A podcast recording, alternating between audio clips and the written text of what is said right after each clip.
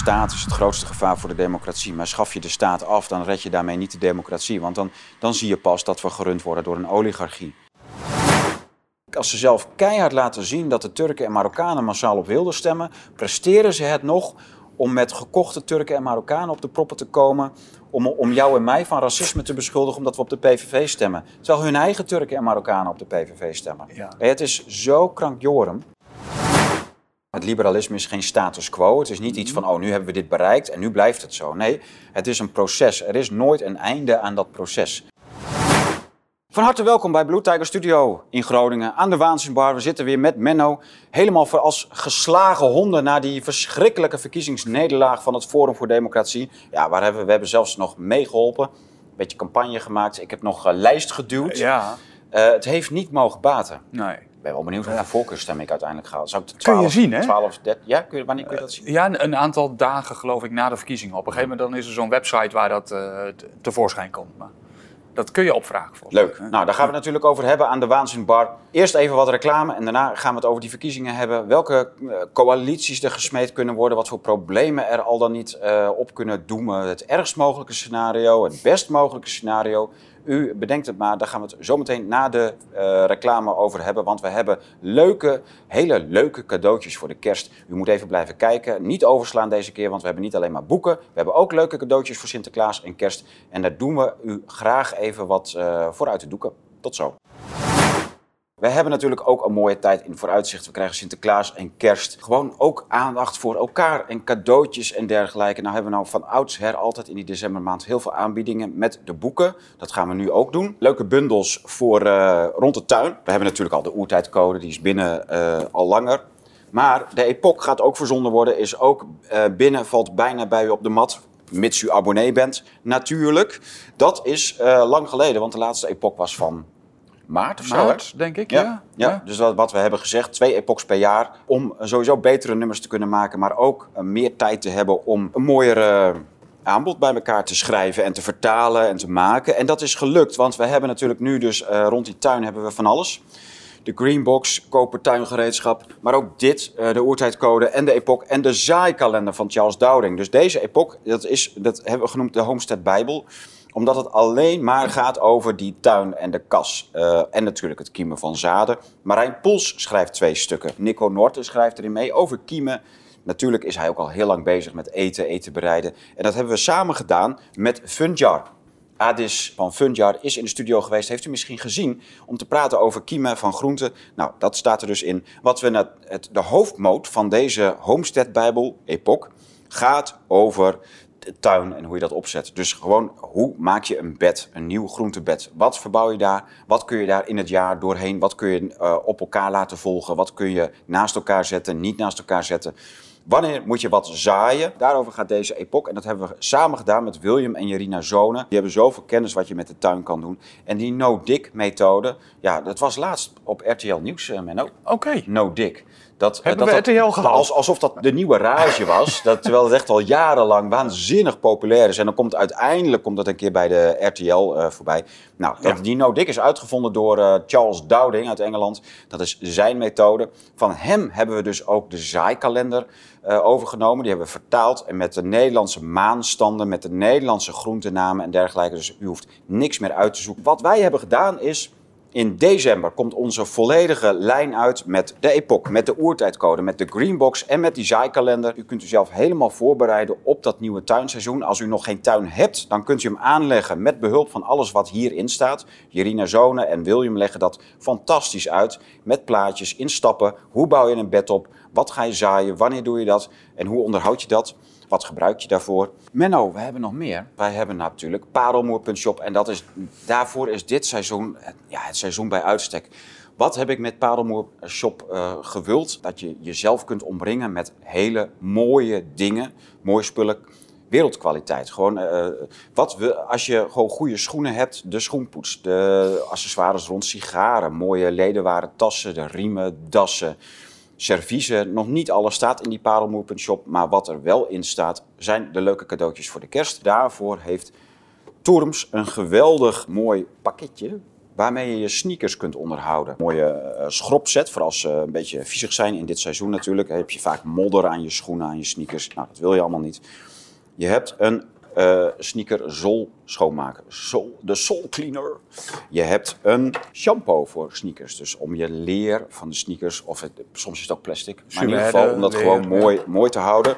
En dan heb je nog een white show dye. Dus dit is echt voor witte schoenen. Voor dat, dat wit van die sneakers specifiek gemaakt, ontwikkeld door Torms. En dat hebben we in de webwinkel met een eh, natuurlijk sponsje erbij om ze mooi schoon te krijgen. En een polishdoek. Ja. Fijn. En dat is, zit er in de webwinkel voor 165 euro. Nou, dat is natuurlijk een uitstekend Sinterklaas- en kerstcadeau. Voor eh, iemand die eh, duurdere sneakers heeft of ze goed wil houden voor langere tijd. En krijgt ze ook nog eens eenmaal prachtig in een blik.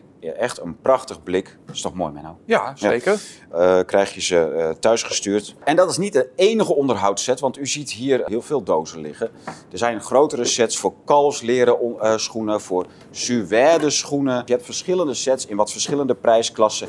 Het begint vanaf 165 euro en deze sets die zitten tot volgens mij 250 euro. Heel veel tekst. Maar goed, ja, het is, de, het is de tijd van het jaar. Dus u wil ook wel graag een cadeautje voor uw man, vriend, vrouw, vriendin, oma, moeder. Maakt niet uit. We hebben van alles wat. We hebben parfums, prachtige rook, parfumceremonies. Die eh, incense ceremony kits. Ja, dat is fantastisch. klopt. We hebben mooie aanstekers als deze uit Ja. Amerika. De Quadpump van Vector. Ja, dit is echt een, een hele brute Ja. aansteker. Eh, kun je ook gebruiken voor, eh, voor die ceremony kit. Abonneer je op de nieuwsbrief, want daarin komen ook al die aanbiedingen voorbij. Tijd Ja, voor de Om hem aan te gaan jongens, steken, jongens. Ja, ja, ja. gaan we doen. officieel van start. Ja. Nou, verkiezingen, Menno. Ja, heb je nog geslapen vannacht of heb je alles eh, bijgehouden? Als een roosje. Oké, ja, ik ook. eh, Ik, eh, ik ben gisteravond eh, zelf even naar het stemkantoor geweest. Hmm. Ehm, ja, bij, eh, ik heb toch op jou gestemd, eh, Oh, echt? Tom. Ja? Oké, ja, denk leuk. ik zal je meehelpen duwen. Ja. nou En, ja, kijk, we hebben natuurlijk een schandalige nederlaag geleden. De PVV heeft alles weggefroten op rechts. ja. Eh, dat is logisch, En, dat zag je een beetje aankomen. Maar het- ik Mhm. had er toch allemaal nog wel een beetje hoop. Van, hè, laten we het dan van vijf, zes zetels, laat dat dan mogelijk zijn. Het bleek niet mogelijk. Hmm. Eh, dus ja, ik ben eh stand te peden. Toen die exit polls kwamen, ben ik stand te peden. Hier nog in het dorp even drie stembureaus kapot, en kort en klein geslagen. even, eh, ja, even je hart luchten. ja. Want, even eh, uitleven. Even uitleven. Ja. Moet toch even wat lucht van de ketel, of wat eh, druk van de ketel. Ja. Dat is eh, nou, een sigaartje erbij. En toen, was de, toen was de storm ook wel weer gaan liggen hoor. Oké. Ja. Toen keerde de rust weer. ja. Nou, vandaag ook weer een lekker sigaartje. We gaan even wat analyseren. Ja. Ja, weet je, er wordt al heel veel geanalyseerd. En de- eh, we moeten natuurlijk niet op de mainstream media gaan lijken... door je alleen maar van, van rare dingen af te laten leiden. We zitten natuurlijk ook in een bizarre situatie. De afgelopen tig verkiezingen eh, zie je dus steeds weer dat, eh, dat je eigenlijk ofwel meedoet voor de hoofdbonus van die 30 plus zetels. Dat is echt een red race aan de bovenkant. En aan de onderkant, eh, bij de kleinere partijen, is het echt maar de vraag of je blijft bestaan of niet. Weet je? Dus of je doet helemaal bovenin mee voor de hype. Ja. Hè, dus de PVV, de BBB, eh, NSC, maar FVD heeft dat natuurlijk ook een paar keer meegemaakt. Of ja, één keer heel, heel goed hè, voor die Eerste Kamerverkiezingen. Ja. Maar daarna, was het, eh, da- daarna zakt het weer weg. Ja. Dus BBB is nu ook alweer weggezakt na de provinciale statenoverwinningen van de... En heel hard. Heel hard, ja, dat, zeker. dat vond ik echt wel een... eh, Ja, maar dat zie je dus keer op keer. En dat betekent dus dat we gewoon met een enorm zwevend eh, proletariaat zitten, die gewoon ja, uit, uit hyperigheid zich, zich laat leiden door peilingen, door debatten, door, door wie dan ook maar in dat mediacircus eh, naar voren geschoven wordt. Weet je, dat, dat, is wel, dat is wel iets heel raars. En je hebt natuurlijk ook gezien dat Thierry kreeg eh, een aantal weken geleden kreeg hij nog wel vier, vijf media-optredens in de reguliere media. Twee of Een keer drie. Met, met Brammetje Ja. en een keer op Ja. eh, radio en nog een keer op tv. Ja, klopt. En daarna was het gewoon totaal, eh, werd hij weg, wegverzwegen. Maar dat zijn ze verplicht, hè? Dat is een verpli- wettelijke verplichting. Om? Om iedere partij moeten ze... Oh, oké. eh, ja, nou ja, dat, goed. eh, Dus dat heeft hij gehad. Maar ja. daarna werd het gewoon tot en met die aanslag aan toe in Groningen op hem. Ja. Mishandeling. Ja. Ja. Mhm. is, er gewoon, is die totaal verzwegen. Zeker die cruciale laatste twee, drie weken kwam hij nergens meer aan bak. En uh, dus toen, toen, was op een gegeven moment die aanslag. En Caroline van der Plas die, uh, ging daarna uh, ja. nog excuses aanbieden met een filmpje op Twitter. Dat ze, dat, dat ze het niet daarover gehad hebben. Hm. En toen, toen zag ik ook zoiets van: ja, jij lafaard. Je had gewoon. Je weet donders goed dat Thierry overal geboycott werd. En dat ze het nergens over hem hebben. En dat hij nergens aan mag schuiven. Je moet je niet achteraf verexcuseren voor het feit dat je het niet over die aanslag hebt gehad. Je moet je verexcuseren dat jullie niet met z'n allen als lijsttrekkers bij zo'n redactie op de stoep gaan liggen en zeggen van wij gaan niet debatteren zonder dat FVD ook meegaat. Uh, het, is, het is echt ziek voor woorden, joh. En dan mensen dat ook nog als een soort van oprechtheid zien. Terwijl er gewoon de, de dubbele agenda er, er vanaf druipt. Ja, ik vind dit... Eh, ja, het, is zo slecht. Het, dat is het ook. Het is verschrikkelijk slecht. De, ja, is het dan puur dat je, dat je bang bent om iets te moeten forceren? Of is het gewoon echt onwil? Nou, maar je dat kunt, is de, je kunt, je, kijk, uh, het is gewoon weer dat, dat, daar gaan we het zo meteen ah, ook over hebben. Van, dat er op die linkse partijen en ook zelfs bij BBB en NSC en PVV, ja, nee, PVV wat minder, maar NSC en BBB heerst altijd zo'n zo'n sfeertje van. Uh, dat, dat, dat ze eh, partijen die ondemocratisch zijn of partijen die uh, gevaren voor de rechtsstaat vormen, altijd dat, dat soort taalgebruik, dat, dat sluipt daar ook binnen. Ja. Daar willen ze dan vooral PVV en FVD zeer mee doen. Maar waarom PVV daar dan wel in één keer doorheen komt en FVD niet, dat is een raadsel. Nou, ik heb daar wel een... Kijk, Wilders is gewoon natuurlijk keihard. Die pakt zijn moment. En die kan het geen, geen zier schelen mhm. dat Jerry overal weggezeken wordt. En, of verzwegen wordt. Mm maar als je gewoon met z'n allen had gezegd van, uh, ja, zeker BBB, NSC en PVV, van jongens, uh, dit kan niet. Je kunt niet zo met de, met de lijsttrekker van een, een middelgrote partij omgaan, uh, die acht, acht zetels, vijf tot acht zetels zou kunnen, kunnen halen. Ja. En door die stelselmatig totaal te verzwijgen in die laatste twee weken, zakt hij weg naar, naar drie zetels. Mhm. En door, door Wilders zo enorm op het schild te hijsen, zorg je er ook nog eens voor dat heel veel eh, FVD'ers hmm. dan maar denken van ja, alles beter dan Timmermans de grootste. Die gaan dan mee in dat, in dat mediacircus en gaan strategisch op Wilders stemmen. Ja, ja. Ja, ja, Nou ja, goed. Ja. Nou ja, ik vind dit op zich geen ramp. Ja, het is een minder grote ramp dan wanneer Timmermans de grootste zou zijn. En wat wel Kijk, waarom ik het geen ramp vind, is omdat ja, het is eigenlijk ook alweer zo'n strategische opinie. Ja, ik, ik vind dat ook al. Eh, je, ik stem niet strategisch en ik heb ook geen ik strategische opinie. Ik heb ook geen strategische opinie. Kijk, het is beter dan dat Timmermans de grootste zou worden.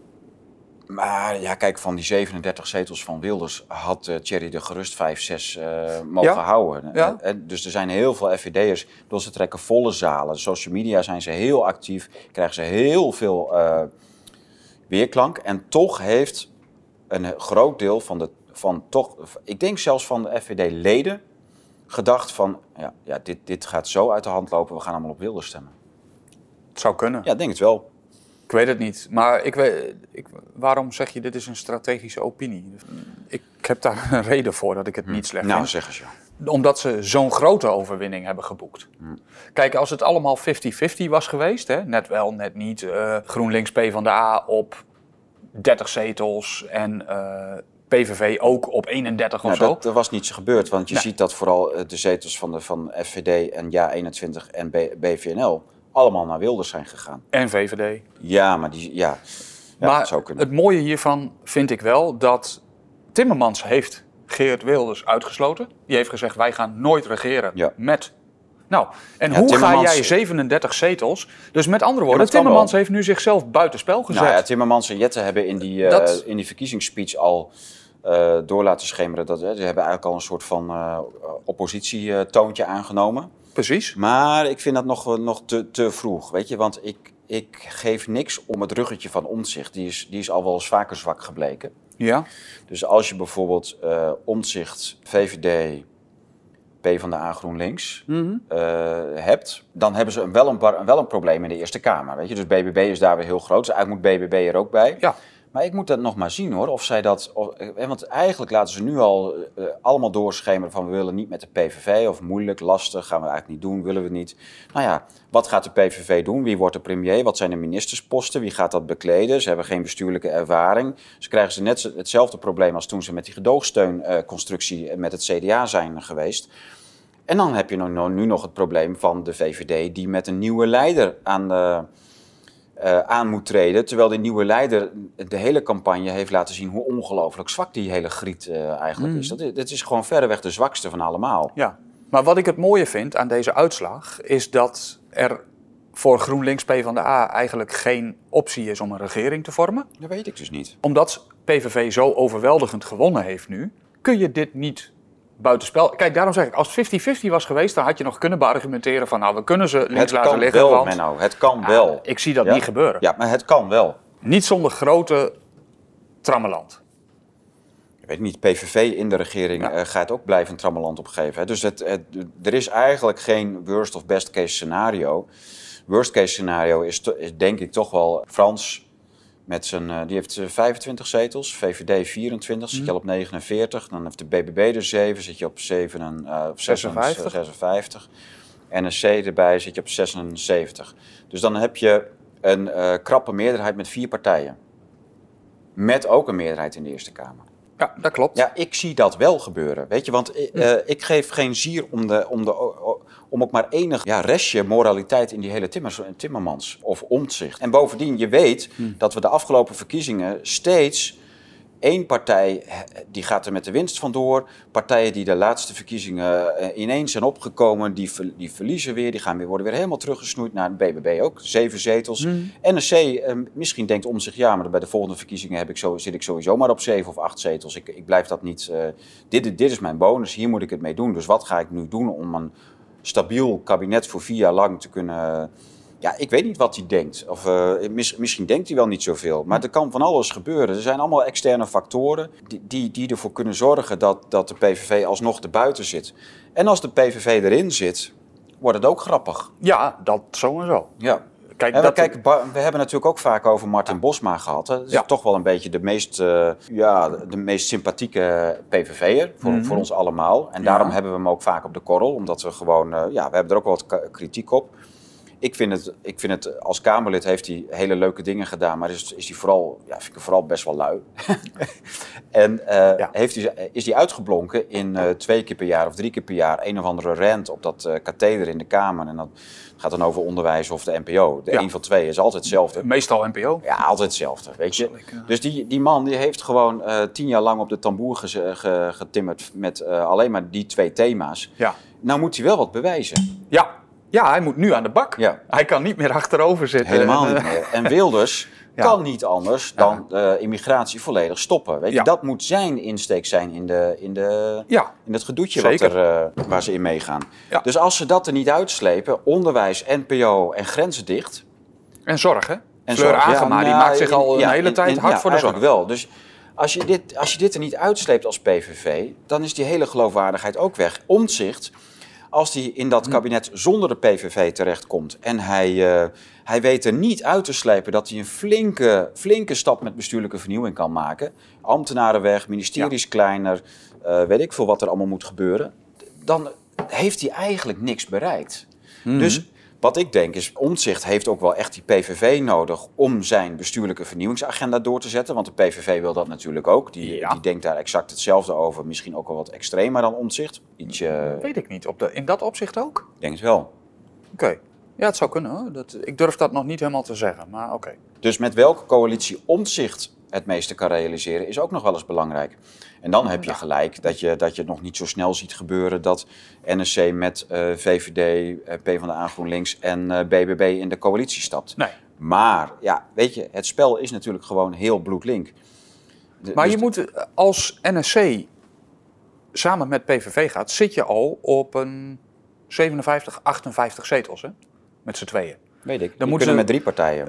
Dus het is makkelijker. Ja. ja. En de VVD zou je er dan bij moeten de, trekken. Nou, ik denk dat de BBB erbij moet vanwege de Eerste Kamer. Nou dus, ja, ja. Dus VVD, die krijg je dan ook. Ja. VVD, PV, PVV, uh, Omtzigt en uh, Van der Plas die uh, moeten het in de Tweede Kamer doen. Om dan ook die coalitie in de Eerste Kamer. Dus BBB mm. kun je eigenlijk niet omheen. Nee dus iedereen focust nu op Geert Wilders en dergelijke. Maar eigenlijk gaat het ook nog veel op de achtergrond ook om een kabinet met BBB. Nou, dat zei Caroline ook gisteren natuurlijk. Die zei, we gaan onderhandelen. Ja. Die, en die, ja, die, heeft, die heeft een sterke troef. Ja. Vanwege die winst in de Eerste Kamer. Nou, denk ik wel. In principe kun je ook nog... Jij zei net over vier jaar, dan zijn ze weer gemarginaliseerd. Ja. Maar in het geval van de BBB, die zijn natuurlijk nu van één naar 7 of 8 gegaan, geloof ik.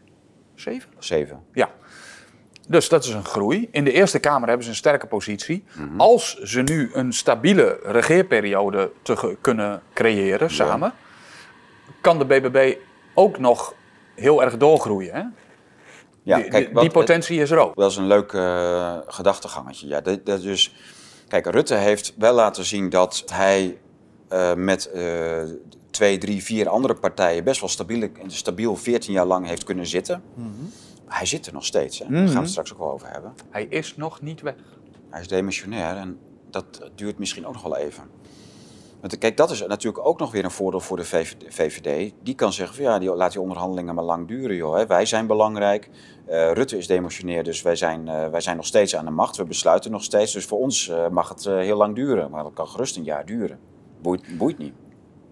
Maar de, dus dat, dat is wel iets. Uh, Afhankelijk van hoeveel waarde hij hecht aan zijn baan in Europa. Hè? Want nou, dat is, ja, die maar, wil ik er wel bij zeggen. Ja, ik, ik, dat, is, dat vind ik ook de vraag of die, dat echt, of die daar echt waarde aan hecht. Maar goed, kijk, als, je weet nooit hoe dat sentiment gaat keren. En wat er allemaal hm. onder de tafel uh, gebeurt met BBB. En wat voor cadeautjes er beloofd en gegeven gaan worden. Ja, ik, ik zie dat niet zomaar gebeuren dat Wilders premier wordt. Ja, ik weet het niet. Hm. Ja, maar ik zie ook niet in hoe je zomaar om hem heen kunt. Ja. Nou, Menno, het geval is, wij hebben natuurlijk de hele zomer hier al over gehad. Ja. En we hebben ook al eh, de hele zomer gezegd dat het, de, het komende, de komende coalitie een van de meest problematische wordt die je maar kan indenken. Ja. Nou, dat het problematisch is, zien we, zien we nu wel. Ja.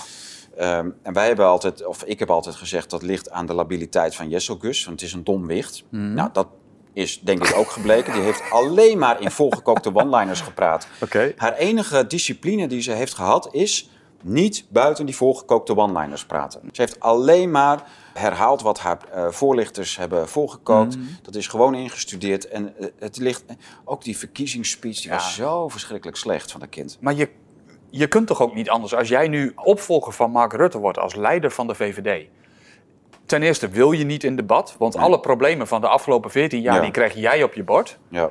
Nou, ja, maar ze hebben er een zwak iemand neergezet, juist om, om die partij te laten imploderen. Want het, is altijd, het gaat altijd mis. Het, elke opvolging gaat mis. Dat hebben we bij het CDA vaak mhm. gezien, bij de P van de A vaak gezien in de afgelopen decennia. Ik vind nog dat ze verrassend groot zijn gebleven eigenlijk. Nee, maar dat gaat ook om de interne samenhang binnenin. Ja, ja, ja. Zij, zij is niet in staat om uh, als premier of als uh, vicepremier haar eigen partij bij elkaar te houden of een coalitie bij elkaar te houden of wat dan ook. Dat, daar, gaan, daar gaan hoe dan ook problemen uit ontstaan. Nou ja, goed, dat hebben we, hebben we behandeld afgelopen zomer. Daar blijf ik ook bij.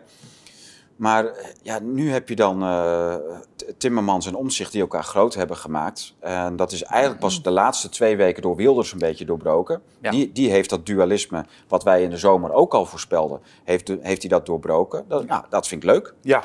dus de, uiteindelijk zijn en ze... knap. Knap, ja. Ja, ja. ja, Uiteindelijk zijn ze daar uh, zijn ze weer naar beneden gezakt. En wat ik mij nu afvraag, Tom, is of Wilders dit volledig bewust heeft gedaan want ik heb ook het idee, ik heb een aantal van die gesprekken, debatten, andere dingen zitten luisteren. En Timmermans en uh, Omtzigt waren eigenlijk de grootste vrienden.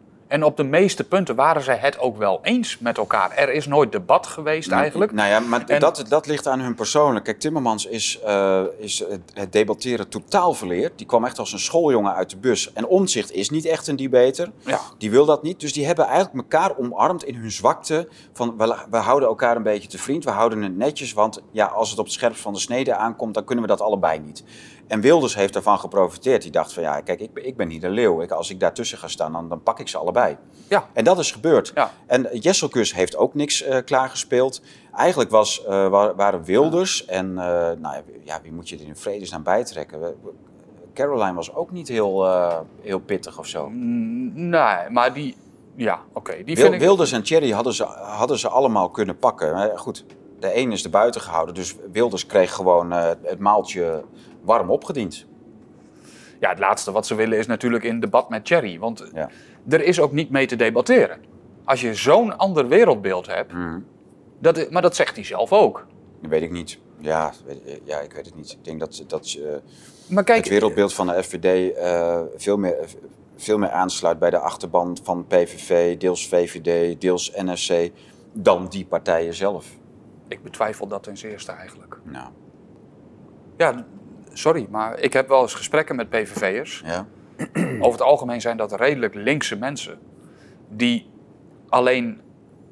Die hangen alle problemen bijna op aan immigratie, letterlijk. Die zeggen als we de immigratie stoppen, dan is Nederland weer prima voor elkaar. Want dan krijgen we meer woningen. We mhm. krijgen, nou ja, dan kun je het hele riedeltje wel invullen. Ja, het is soms wat kortzichtig, doet het aan. Maar kijk, je kunt wel oog hebben voor de, wat Wilders dus wel heeft, voor de zorgen van gewone mensen. Dus het, ja, ja, ja, eh, zeker. Inkomen, de zorg die achteruit holt. Mm. en de, en de, ja, de druk op de, op de, van de immigratie. Dat zijn, eh, kijk, als je in een volksbuurt woont uh, of in de sociale huurswijken, uh, je ziet gewoon dat al die huizen met voorrang naar statushouders ja, gaan. Precies. En, en niet naar je eigen kinderen of naar je, de vrienden die het nodig hebben, die, al, die alleenstaande vrouw met twee kinderen die in één keer op straat staat. Daar gaat, daar gaat, die krijgt geen huis. Dus Wilders die weet donders goed hoe simpel eigenlijk de zorg of de behoefte aan de onderkant van de, van de, hmm. van de democratie is. En speelt daar heel goed op in. Dat is precies wat ik ook een beetje probeer te zeggen. En als je dan bij FVD komt, ben je denk ik een paar stappen verder in de, de problemen die er daadwerkelijk ja, spelen. Bij de PVV is totaal, eh, ontbreekt totaal elke, elke aandacht voor een levensbeschouwing. Dus voor een wereldbeschouwing. Voor, uh, het is wat oppervlakkiger allemaal. Nee, het, zijn, het is een agendapartij geworden. Het is eigenlijk D66 op rechts. Dus puur, puur agendapunten, geen samenhang. Hm? Eh, heel, heel pragmatisch van, oh kijk, we zien dat de mensen dit nodig hebben. Daar kunnen we uh, het electoraat op winnen. Hm. Ze hebben bepaalde standpunten natuurlijk altijd al heel lang gehad. Ja. Eh, al, maar het is, er zit geen samenhang tussen. Ze hebben gewoon al heel lang aandacht voor het feit dat dit de problemen zijn in de maatschappij en dat ze dat zo gaan oplossen. Hm. En bij Thierry krijg je niet alleen maar een aandacht voor de problemen en de oplossingen, maar krijg je ook samenhang. Je krijgt wereldbeschouwing, mensvisie.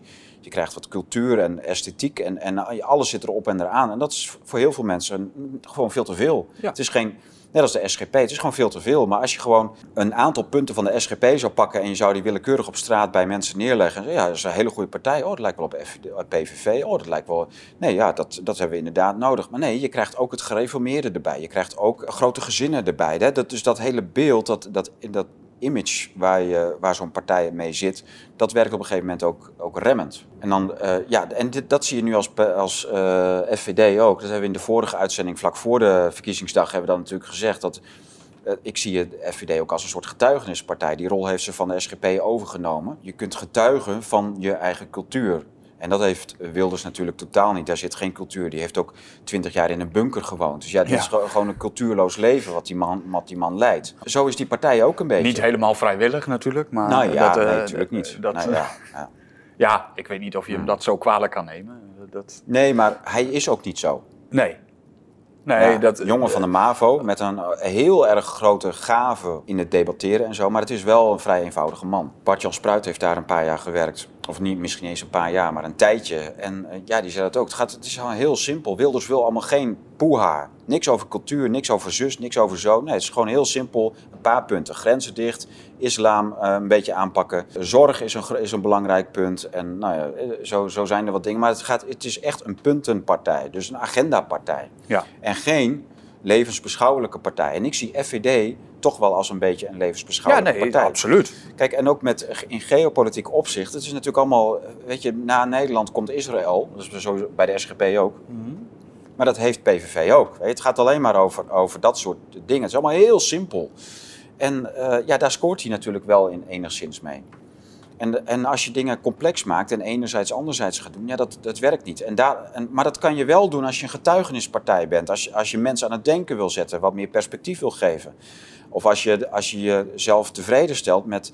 Ja, het is fijn als er in de Kamer één partij is die gewoon niet met meel in de mond hoeft te praten, niet rekening hoeft te houden met coalitiebelangen, niet uh, zich inhoudt op bepaalde dingen. Het hoeft niet knettergek te zijn, maar het, het is wel fijn als er iemand gewoon, een, of een, een, partij is die zegt, ja maar zo zit het, dit is er ook aan de hand. Ja, dat mag jij niet zeggen, maar ik mag het wel zeggen. En Met andere woorden, FVD moet nooit gaan regeren. Ik weet niet of Thierry dat überhaupt zou willen. nee. Mijn idee, gelijk toen Rutte de stekker eruit trok, was dat ik binnen een paar, weken wel het idee had van Het gaat niet om deze verkiezingen. Dit wordt een heel, heel moeilijke coalitie als die al tot stand komt. En de vraag is hoe lang die duurt, omdat er zoveel labiele factoren zijn. Dat je eigenlijk moet als partij moet nadenken van, nou, dit is overleven, maar de volgende verkiezingen, daar gaat het pas om. Dan is misschien de VVD tot rust gekomen, dan heb je dan is de NSC niet meer zo uh, gehyped. Uh, ja, en, en kijk, straks zakt de PVV natuurlijk ook weer. Bij de volgende verkiezingen zakt de PVV weer terug. Dat is bijna een gegeven. Ze zakken niet terug naar zes zetels of zo. Maar het is niet meer. Ze krijgen niet bij een volgende verkiezing krijgen ze niet meer 37 zetels. Dat weet hij nu al. BBB deed het niet. Forum kreeg het niet. hij krijgt alleen maar, hij krijgt nu zoveel weerstand in de media. Er, er worden een of. ik bedoel, Gisteren, het was zo raar. Weet je, toen ik naar de uitslagenavond toe reed, had ik Radio 1 aan voor de, voor als uitzondering, want ik luisterde er nooit naar. Ik dacht van, nou, nu wil ik wel eens weten wat ze allemaal zeggen. Ja. Dus dat was voor de eerste exit poll. Toen hadden ze allemaal uh, uh, Turken die, en Marokkanen die gingen op Wilders stemmen. Toen was de exit poll geweest. En toen in één keer gingen ze allemaal Turken en buitenlanders. En, en vandaag ook in de kranten gaan ze allemaal mensen interviewen. die alle Nederlanders die op eh, Wilders hebben gestemd voor racist uitmaken. Ja, Omdat ze dan zogenaamd teruggestuurd zouden gaan worden ja, met een dubbele paspoort. Nou, Wilders heeft een dubbel paspoort, zijn vrouw heeft een dubbel paspoort. Wilders heeft een Israëlisch en een Nederlands, zijn vrouw heeft een Hongaars en een Nederlands paspoort. Dus dat gaat natuurlijk nooit gebeuren. Dat, kunnen ze, dat weten ze ook wel. Alleen die hele gore linkse kliek, die gaat natuurlijk alles in stelling brengen nu. Nou, maar nu moet Martin Bosma aan het werk. Ja, en, uh, maar het punt is dus, ze gingen Ahmed Marcouch interviewen en die ging, ja, wat het, het, kan natuurlijk niet zo zijn dat we straks een premier krijgen die mensen uitsluit en een partij aan de macht die mensen uitsluit. Maar verdikke me, ze hebben net dus al die Turken en Marokkanen geïnterviewd die op wilden stemmen. Dus in plaats van dat die Marcouch zegt van, uh, ja, ik ga eens nog eens even in gesprek met mijn, met mijn eigen Turkse gemeenschap, want die hebben allemaal op Wilders gestemd. Ja, en die, die heeft wel eens wat gezegd over de islam en over buitenlanders. Het is gewoon compleet schizofreen, weet je. Is Marcouch Turks of Marokkaans? Marokkaan. Ja, dat, mm. ja, ik wil zeggen even... En dan heb je nog uh, in uh, Rotterdam, uh, Marcouch is van Arnhem. In Rotterdam Abu heb je Abu. Ja. is ook een, um, een Marokkaan. Ja. Maar dat, dat, dat gespeelde, weet je, van die betaalde linkse moslims... die dan gaan lopen janken in de media over uitsluiting... Ja, en met alle respect, ik heb wel wat uh, moslimvrienden en die, die zie ik dan alweer twijfelen, weet je. Want zo sterk zijn die ruggetjes ook weer niet. Maar eh, zie jij niet de optie nu dat Wilders gewoon gaat zeggen... oké, we, we zitten nu zo lang in de politiek, we zijn verkozen, wederom. We krijgen weer een kans om te regeren. Dat hij zijn toon enigszins matigt, probeert het op een akkoord te gooien. Ja, maar hij moet wel wat bereiken. Hij heeft het twintig jaar lang op de, op de tamboer uh, geramd met uh, We krijgen nu wel de kans om... islam, grenzen. Tuurlijk, maar we krijgen nu wel de kans om een aantal agenda's te temperen. Ja. Hij hoeft ze niet direct om te keren of stop te mhm. zetten, al tempert hij het maar. Ja. Ik ja, denk, ja, maar goed, dan herhaal je wat we de vorige baans in bar hebben gezegd. Ja, maar dan, dan zie ik het ook nog wel gebeuren. Als hij dat voor elkaar weet te krijgen, als hij een regering weet te vormen en hij weet een aantal van deze dingen in het publieke domein bespreekbaar te maken, want dat is het gewoon nooit geweest de mhm. afgelopen jaren, dan zie ik het ook nog wel gebeuren dat hij de volgende verkiezingen dit zetelaantal gewoon weet te behouden. Hij is nooit echt helemaal door de grens gezakt qua, qua zetels. Hè. Wilders is wel redelijk stabiel. Die heeft wel een bepaalde ondergrens die aanvaardbaar is. Hij is nooit naar drie zetels gezakt. Precies. We leven nou eenmaal in een tijd waarin we verkiezingen na verkiezingen zien dat je ofwel meedoet om die 30 zetels, om, om, de, om die verrassing van de verkiezingen te zijn. Dus uh, Thierry is het overkomen, BBB, NSC, nu Wilders. Maar Wilders is eigenlijk de enige constante ervan. Ja, maar, ik ben dat niet helemaal met je eens. Want het verschil zit erin dat het Eerste en Tweede Kamerverkiezingen zijn. En je ziet iedere keer bij de Eerste Kamer dat er compleet anders gestemd wordt dan bij de Tweede Kamer. Omdat die hype weg is. Dus je ziet gewoon voortdurend een hype. Ja, maar in, de, in het verloop van de verkiezingen van de Tweede Kamer is het stabieler. Daar zie je een aantal partijen die al jarenlang gewoon de grootste zijn. In die Eerste Kamer fluctueert het gigantisch. Dat gaat meer mee op de emoties die onder de mensen leven. Ja. En in die Tweede Kamer is het veel stabieler. Hmm. En daar zie je wel af en toe partijen opkomen. Maar de grote. En wat we nu zien, vind ik absoluut een trendbreuk. Met en een D66, en een CDA, en een VVD. Die gewoon compleet door het ijs zakken. Nou, VVD niet. Nou, die zijn wel elf zetels kwijtgeraakt, ja, als ik me niet maar vergis. Dat, maar dat, ik, ik vind, die hebben nog 24 eh, zetels. Ik vind het echt bizar. Maar afkomend van 35. Mhm. Dus als je dat zetelverlies van die drie partijen nu pakt, dat is gigantisch. maar ik denk ik, als, als er dus, hè, dit wordt een hele problematische uh, coalitievorming. En dat als er op een gegeven moment toch besloten wordt om nieuwe verkiezingen uit te schrijven, uh, dat, dat, ja, dan gaat PVV niet meer die 37 zetels pakken. Dan komen ze ook weer in de buurt van die 24 of 19. Hè. Dat, is, dat is hun natuurlijke achterban. Dat is echt wel veel, dus ze zijn wel een goede factor. Mm. Maar stel dat, dat, dat Timmermans uh, dit, dit ook heeft bedacht, weet je. Dus dat, dat hij denkt van ja, dit is, uh, ik, ik ga toch blijven en ik ga het frustreren. En dat kabinet, dat, of die verkiezingen, die komen binnen anderhalf jaar weer in beeld. En dan, hmm. dan ga ik weer. Ja, dat en want, want Wilders gaat dat niet nog een keer doen. Nee. Dan hebben we natuurlijk nog, uh, kijk, ik vind dit een beetje, uh, blij, dat, dat geanalyseerd en zo, dat, dat hebben we nou al gehad. Ik vind het ook een beetje gerommel in de marge. We, we weten het nu wel. Maar we hebben natuurlijk nu ook wel, we zien nu ook wel de problemen van de democratie op zichzelf als systeem. Hm. Dat, de, dat de democratie het grootste gevaar voor zichzelf is. Het grootste gevaar voor de democratie is, is de democratie. En, en, en dat, is, dat is iets wat. Uh, kijk, dat hele linkse geneuzel steeds over dat uh, partijen die een gevaar voor de rechtsstaat zouden zijn. En dat er ideeën genormaliseerd zouden, uh, te veel genormaliseerd zouden zijn, die, uh, die natuurlijk uh, heel gevaarlijk zijn. Rechtsextremistische ideeën in de politiek, dat is dan allemaal gelijk, dat is een, eigenlijk immanent aan dat het een gevaar voor de rechtsstaat is. Dus mhm. de rechtsstaat bestaat alleen maar uit linkse ideeën. dus rechtse ideeën, dat is, dat is al heel problematisch, maar uh, dat, dat kan eigenlijk alleen maar bij de gratie van dat ze vrij mild zijn geformuleerd. Maar als je gewoon over rechtsideeën praat, dan, zijn het, dan is het eigenlijk per definitie al in strijd met de rechtsstaat volgens dat soort uh, maloten. Terwijl we natuurlijk gewoon zien dat, dat, dat, dat het, is, het is precies andersom. En maar dus... is het ook niet zo dat de rechtse ideeën over het algemeen meer gebaseerd zijn, eh, enigszins conservatiever zijn, hmm. die accepteren eigenlijk geen staatsmacht die, maar die zien andere dingen als belangrijker in het leven. Ja, leven dus religie en gezin. en, wat, ja, wat in Amerika de, de liberals uh, heten. En wat eigenlijk, wat ik veel, een veel betere term of een veel betere opvatting van het liberalisme vind. Liberalisme is niet rechts, het is links. En uh, ja. dan, moet, dan moeten we geen. Uh, je kunt nog ergens iets van dat klassiek liberalisme uit de 19e eeuw met Hayek en dergelijke uitlopers van na de 20e eeuw. Maar dat zijn, voor zover ze liberaal waren, waren ze links. En, en voor zover ze nog enigszins rechts waren, waren ze conservatief en helemaal niet liberaal. Dus maar, maar dat klassiek liberalisme is gewoon een, een, een, een heel klein marginaal verschijnseltje van het liberalisme. Liberalisme is een proces. Het is niet een, een einddoel of zo, een eindstadium. Nee, of het is geen status quo. Het is een proces waar steeds meer afbraak uh, wordt beoogd. En dat, dat dus de democratie een gevaar voor zichzelf is, is evident. Dus toen in de 19e eeuw die liberale grondwet kwam en heel voorzichtig dat democratisch stelsel werd opgebouwd en in het begin 20e eeuw kreeg je kiesrecht, eerst voor mannen, een paar jaar later voor vrouwen. Dat, dat heeft uiteindelijk de democratie om zeep geholpen. En dus de, het heeft namelijk de invloed van van ons mensen aan de basis heeft het gewoon afgebroken. Je ziet steeds dus die, die, die fixatie op die natiestaat, die fixatie op de, op die ene machtlaag, die abstracte machtlaag van de natiestaat. En, en dat gaat ten koste van macht aan de onderkant. En macht aan de mhm. onderkant wil zeggen dat wij gewoon als, als buren, als gemeenschap samenleven. Dat er gemeenschapszin is, dat er binding is, dat er niet voortdurend geïnterveneerd wordt vanuit die staat. Ook daar nog een AZC, daar een. Uh, dat, dat, die, dat gemeenschapsleven wordt door, voortdurend doorbroken van, van bovenaf. Terwijl als je het leven aan de onderkant bekijkt, gezond gemeenschapsleven, dat is democratisch. Want dat redt zichzelf altijd wel. Als er verschillende de, instituties omheen uh, zitten, dat, dat, blijft allemaal gezond wanneer het gemeenschapsleven aan de basis goed is. Dat bijt met het idee dat we in een nationale parlementaire democratie leven, waar uh, alles van bovenaf besloten wordt met een mandaat wat één keer in de vier jaar door de kiezer wordt, uh, wordt afgegeven door op een knop te drukken of een bolletje in te, in, in te krassen.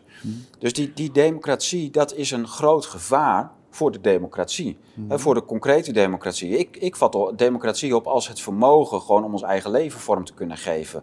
Om te kunnen, om, om, om, om te kunnen besluiten waar mijn kinderen wat voor onderwijs die krijgen. Of, of ze überhaupt naar een school gaan of thuisonderwijs uh, krijgen. Dat zijn allemaal hele belangrijke vragen. Die vrijheden heb je niet meer. Mm. Dus de, de, de, het leven aan de onderkant wordt van alle vrijheden uh, beroofd.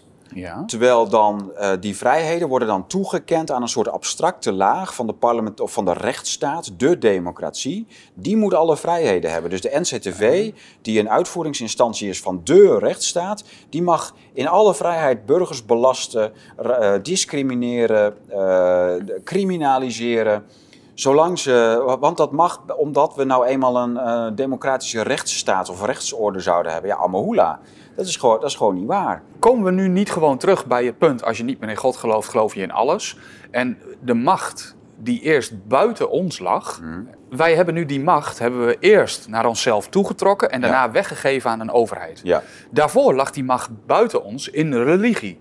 Dat, niet, niet in religie, maar ook, in God. Ja, in God. Hè. Dus, dus wat wij niet zelf kunnen doen, Oké, dat is dan Godszaak. Uh, ja, en wij schikken ons allemaal daaronder. Dus God is afgeschaft en, en die macht die wij altijd als ultimum aan uh, God hebben toegekend, dat hebben we dan gewoon aan een, aan een geïmmanentiseerde abstracte machtslaag toege, toegekend, die vanaf het begin alleen maar één groot monster is geweest. Die, dat is gewoon één groot centralisatieproject geweest van macht, geld, rechtspraak. Ja, macht corrumpeert. Ja, dus, dus uh, recht, ook het recht lag in onze eigen handen. Wij hadden het recht met eigen, met, we hadden gewoonterecht. We hadden uh, in, de, in de middeleeuwen, maar ook later nog, hadden we eigen rechters die we konden aanstellen. Mhm.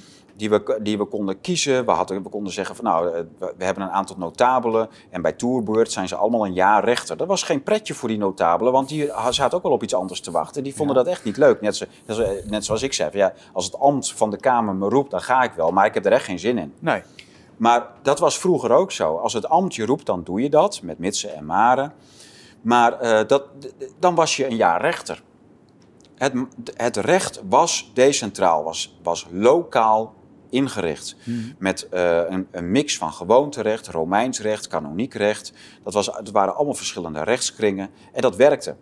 En dat, was, dat, dat had frictie onderling, maar dat was, dat was mooi, omdat frictie goed is en, uh, om, om niet iets groot te laten worden wat niet groot moet worden. Daarom heb je frictie nodig. Nou, Als je geen we momenteel ook wel. Uh, een huwelijk is een, is een band tussen man en vrouw. En dat is soms frictie. Maar als je uh, een huwelijk hebt waarin, waarin de vrouw de broek aan heeft... en de man is gewoon een soort van dwel die op de bank hangt... Uh, met niks te doen. Ja, dat, dat werkt niet. Andersom ook niet. Weet je, dan krijg je een totalitair mannetje. Ja, je, het moet wel...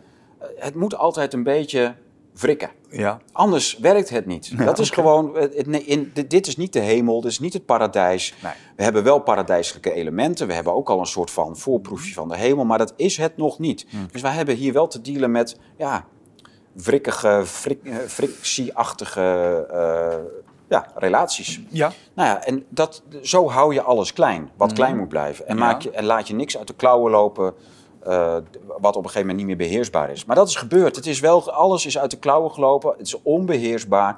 En die democratie. Er hoort wel één ding nog bij wat jij nu allemaal zegt. Nou. nou, het feit is dat het is conflictmanagement. Ja. Maar op een gegeven moment zal er ook zoiets moeten zijn als acceptatie. En dat geldt in een huwelijk en dat geldt in alle vormen zeg maar, van conflict op een gegeven moment zul je beide akkoord moeten gaan met een oplossing. En dat is wat er op dit moment gewoon niet meer gebeurt. En dat zie je overal. Dat zie je in het aantal scheidingen. Ja, maar dat, dat... dat zie je in onze relatie richting uh, van, van burger naar staat. Ja. Je ziet het, oh, mensen willen... Men, en mensen kunnen ook niet, met, met, uh, kunnen niet leven met een imperfecte situatie. Dus, dus exact. Dus dat, dat, uh, dat iets goed genoeg is. Acceptatie. Ac nou ja, ja, maar kijk we hebben nu de staatsmacht geaccepteerd en we zijn een soort leidzame schapen. Acceptatie is ook een soort 100% situatie geworden. We accepteren volledig die staatsmacht die, die, waar we niks tegen in kunnen brengen. Dus daarmee worden we makke schapen. Stuurbaar, kneedbaar, controleerbaar. Dus dat, dat woord dat, dat is, ja, dat is wel bruikbaar, maar wel in weer in de juiste context. Dus het, maar dus in persoonlijke relaties, natuurlijk moet je accepteren dat, dat jij zelf en de ander imperfect is. En als je de imperfectie van de ander niet kunt accepteren, is dat natuurlijk ook iets omdat je dat, je dat in jezelf ook weer niet kunt accepteren. En weet, ik veel wat. Dat, dat is allemaal wel leuk, alleen het, het, probleem is gewoon dat we met een totaal uit de hand gelopen uh, liberale hobby, uh, een project wat nooit eindigt. Het is altijd, het vreet die basis op. Het is altijd als wij weer iets gerealiseerd hebben, we hebben weer een soort referendum gerealiseerd, om maar ook weer iets abstracts te noemen, ja. dan zie je gelijk weer dat de krachten opkomen om dat, uh, om dat aan te vallen, af te breken. Als er een volksbuurt is waar veel te veel hechte gemeenschappen en hè, als, waar de M1 niet binnenkomt, weet je, dat vinden ze verschrikkelijk.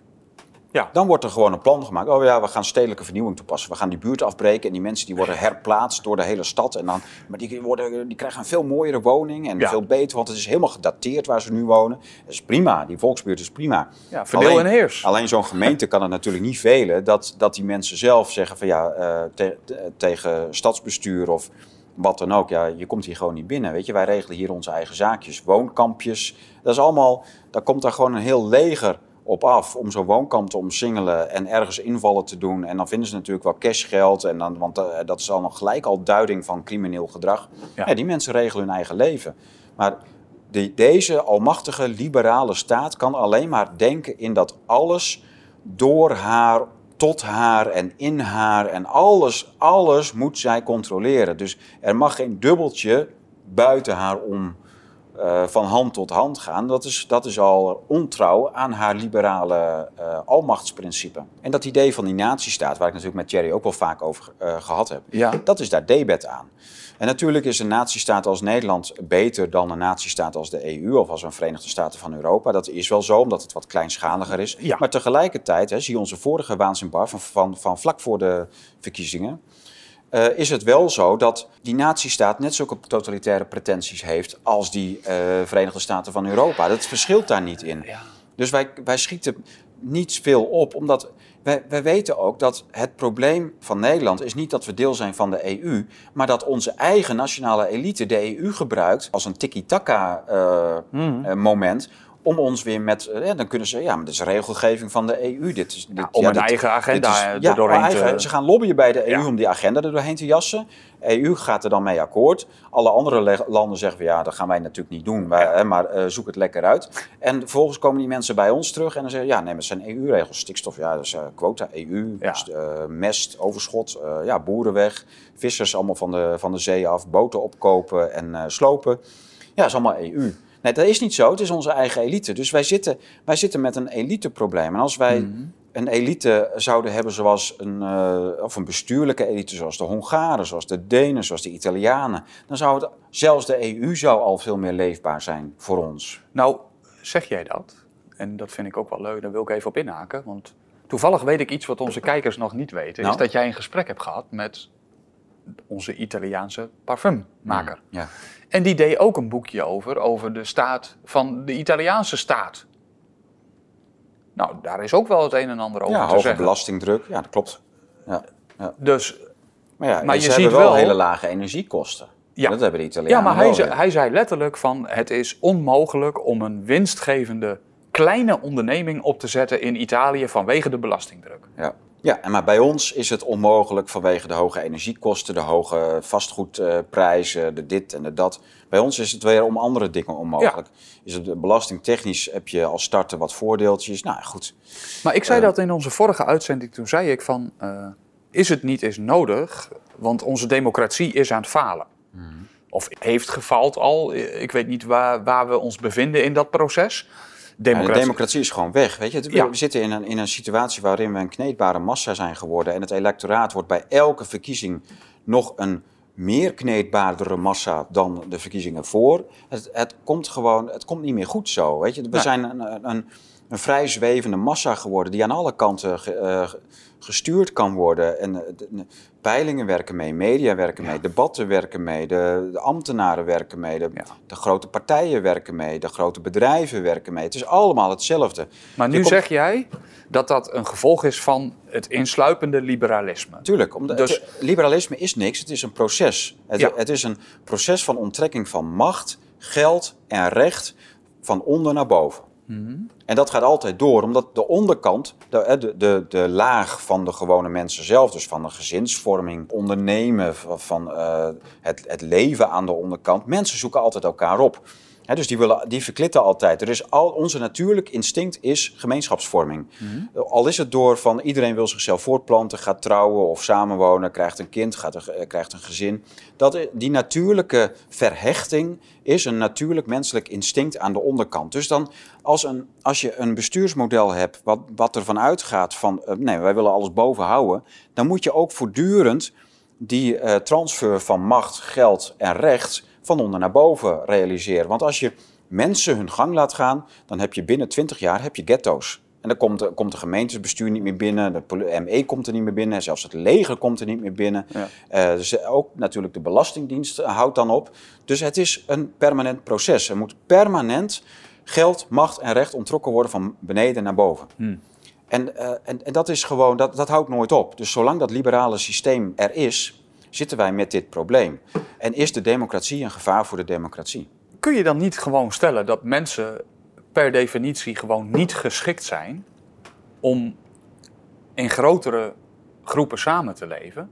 Dus dat eigenlijk het, het tribale leven het enige, de enige mogelijkheid zou zijn ja, als, om te als, leven. als tegenmacht tegen de staat. En dat, dat zie je dus ook in de 19e eeuw in Italië bijvoorbeeld.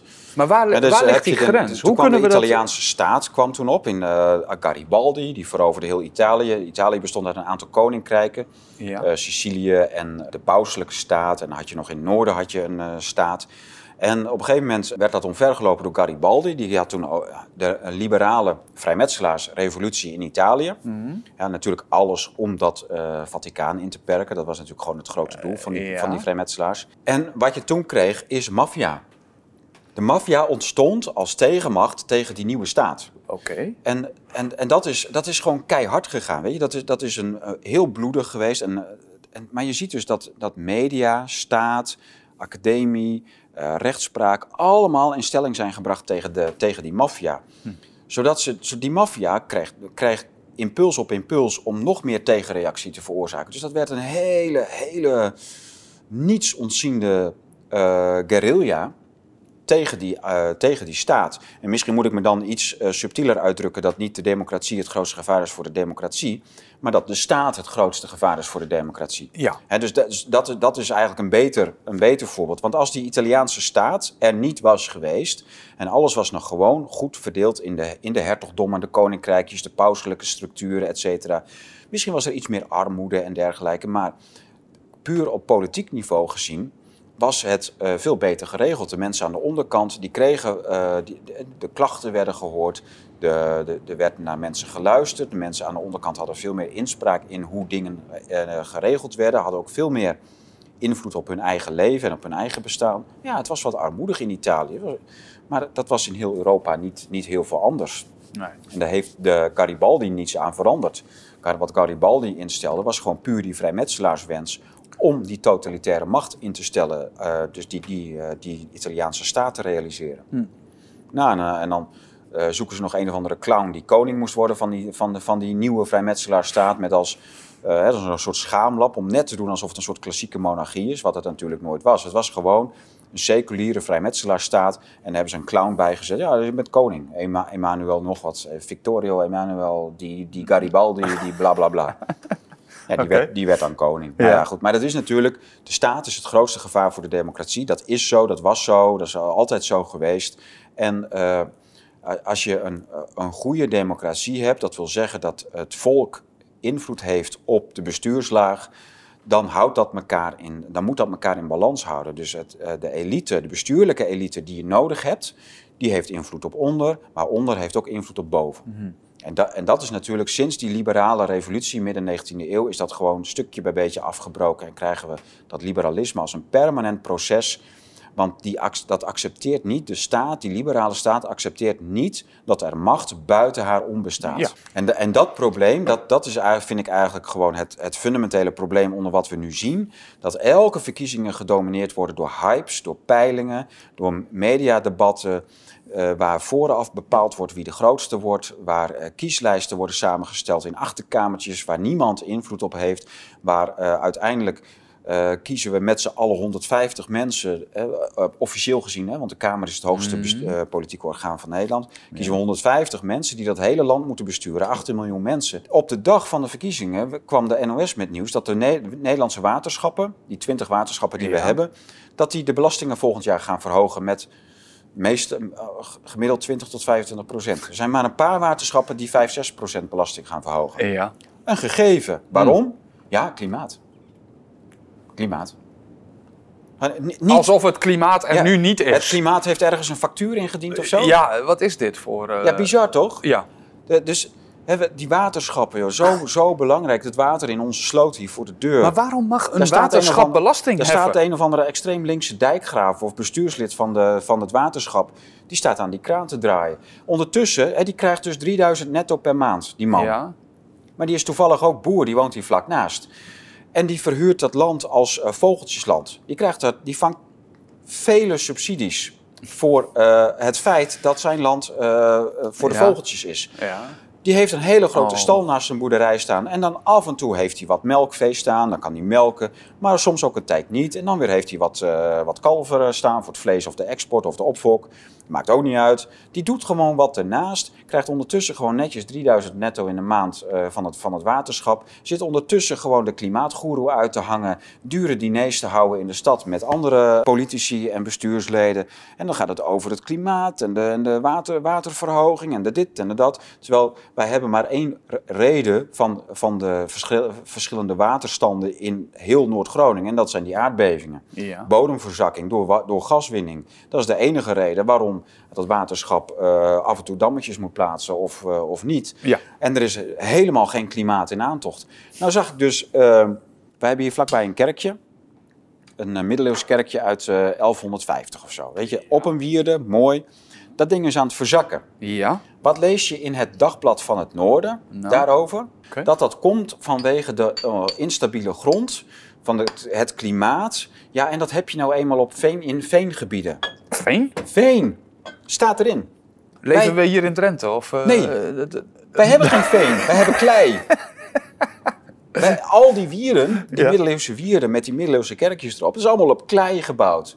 Maar kun, je, kun je dan niet gewoon iemand die zo'n artikel plaatst aanklagen? Als het verzakt en als het scheurt, dat zijn twee verdelen. Hè? Dus je hebt de bodemdaling, of verzakking, wat ze, en je hebt scheuren in de gebouwen. Nou, als je bodemdaling hebt, en je hebt dan zou dat her en der misschien tot scheuren in gebouwen mm, kunnen leiden. Maar grosso modo niet. Want het gaat om de sloten die dan. Hè, je moet ergens nieuwe dammetjes zetten, nieuwe, nieuwe pompen, nieuwe gemaaltjes, zodat dat water de, uh, naar een andere hoogte. Dus bodemdaling is gewoon een kwestie van watermanagement. Je moet het water. Maar daar gaan gebouwen grosso modo niet van scheuren. Ja. Scheuren ze wel, dan is dat vaak door aardbevingen. Ja.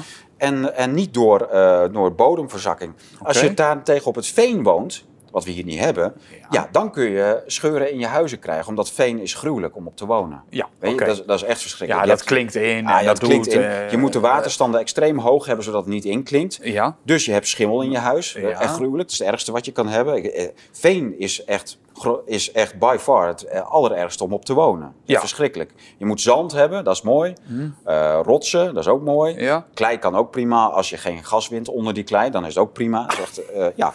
Maar als je op het veen woont en je moet dat, die grondwaterpeil hoog hebben en je, hebt, en, en, en, je stapt je huis uit en je staat al met je klompen in de modder bij wijze van spreken. Mm. Zoals in die polders in het westen. Mm. Maar in Friesland heb je ook van die veengebieden. Dat is ook geen pretje. Maar die waterschappen die zitten nu helemaal op die agenda van... oh, we gaan die klimaat... Uh, ja, dat, dat, dat, is, een soort, dat is een soort ruis. Hè? Die, die zit steeds in ons achterhoofd. Een soort ruis van klimaat, klimaat, klimaat. En uh, dat gaan we gewoon nu vol aangrijpen om de, om de geldkraan open te zetten. Maar wat ze doen is gewoon uh, hun, hun bestuursleden dik, uh, dikke salarissen uitkeren. Voor niks, weet je. Want die dineren twee, drie, vier keer in de, in de week in een... ja, hij, hij, heeft in één keer dure pakken en weet je, het is geen boer meer. Nee. Dat was hij al niet, omdat hij vol subsidies pakte vanwege die, vanwege die vogeltjes die hij allemaal deed. Ja, ja. Maar ik vind het zo smerig, joh. En dat, dat, dat, zo'n uitgestreken kop ook, weet je. Klimaat, klimaat. En uh, meer belasting omhoog. Dus je, je betaalt hier uh, volgend jaar gewoon 20, 25 procent extra belasting vanwege die onzin. Hmm. Maar wat gaan ze met dat geld doen? Nieuwe dammetjes neerleggen? Nee. Nog meer vogelgebieden kopen? Denk, ik denk gewoon uh, de, de, hun lonen verhogen en nog meer dineren. Oké.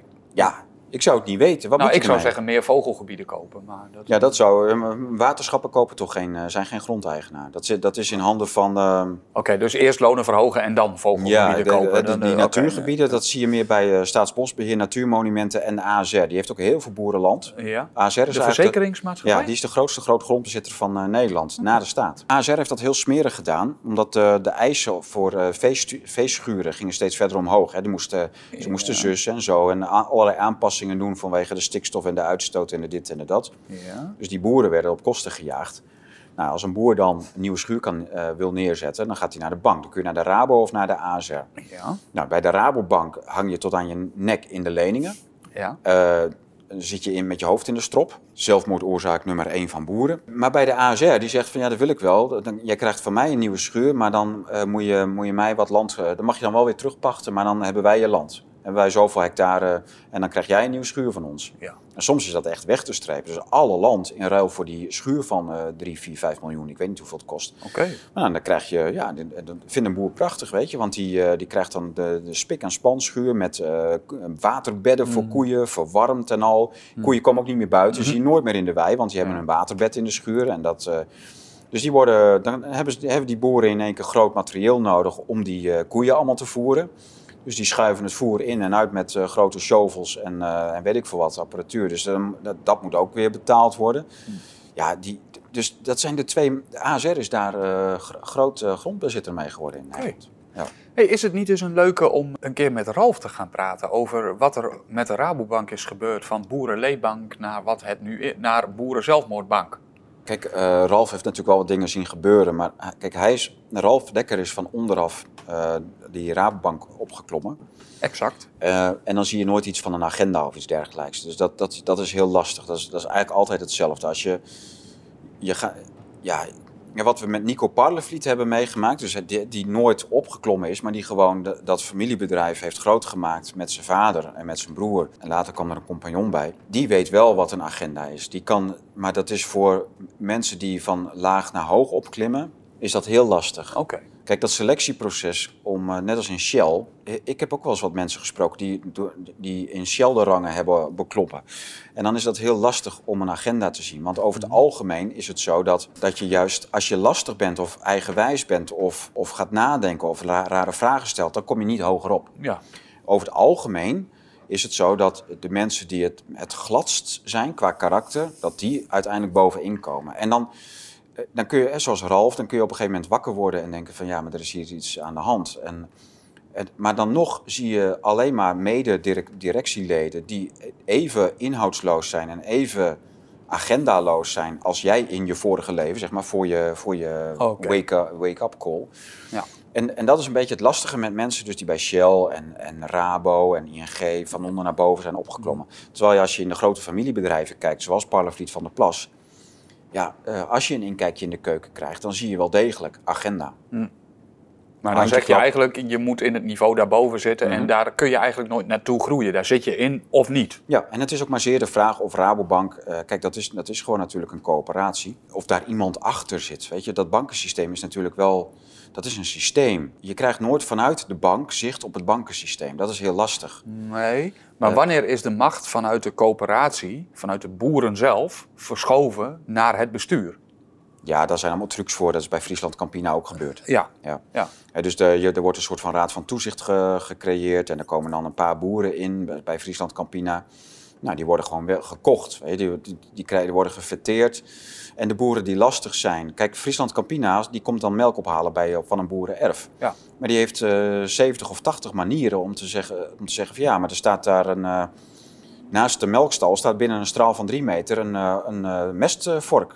ja, dat is overtreding van de hygiëneregels. We nemen je melk een week niet af of twee weken. Ja.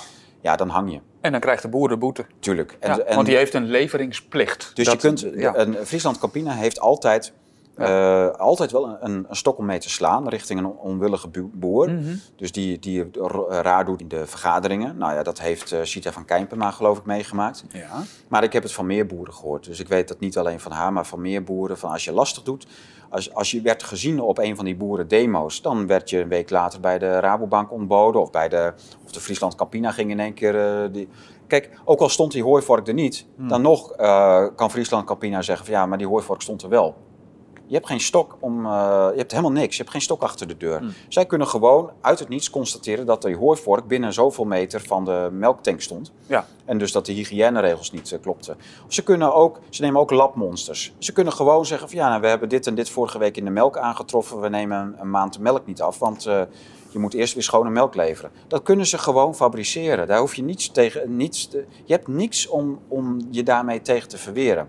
Dus ook al is er een coöperatie dan nog heeft zo'n Friesland Campinaal van Rabobank zoveel macht tegen, ten opzichte van individuele leden, dat je dat nooit kunt keren. Ja, en dan zeggen mensen natuurlijk van, nou, maar waarom ga je dan niet gewoon naar een ander? En dat is dus, omdat het een coöperatie is, hebben mensen zich ingekocht. Ja, het enige voordeel is dat je als je eenmalig als boer bij Friesland Campina weggaat, krijg je een sommetje mee om uitgekocht te worden. Dus je, moet je, je aandeel is wat waard van de coöperatie. Ja, maar dan moet je wel aan de voorwaarden voldoen. Ja, ja ook, ook wel weer. Ja, ja, maar de meeste eh, boeren die weggaan, die krijgen toch een, een beetje geld mee. Het is niet veel, maar die krijgen iets mee. En ja, dat is dan. Maar je kunt niet meer terug. Je kunt je niet meer terug inkopen. Nee. dus dat, dat gaat niet meer. Okay. Dus die coöperatie koopt zo'n boer op, stopt dat in het eigen vermogen of in, het, uh, in de eigen zeggenschap. En op een gegeven moment zie je dus dat het aantal leden van zo'n coöperatie ook wel terugloopt. Ja. En dan zie je dat Friesland Campina rare dingen gaat doen. Dan gaan ze in één keer melk opkopen in Duitsland. Of ze gaan een afzetmarkt in, uh, in Afrika creëren. Dat is allemaal heel raar en dat is allemaal heel schimmig. En dat is echt heel duister. Oké. Dus het is gewoon heel lastig. En uh, uh, zitten we met een, uh, leven we in een systeem.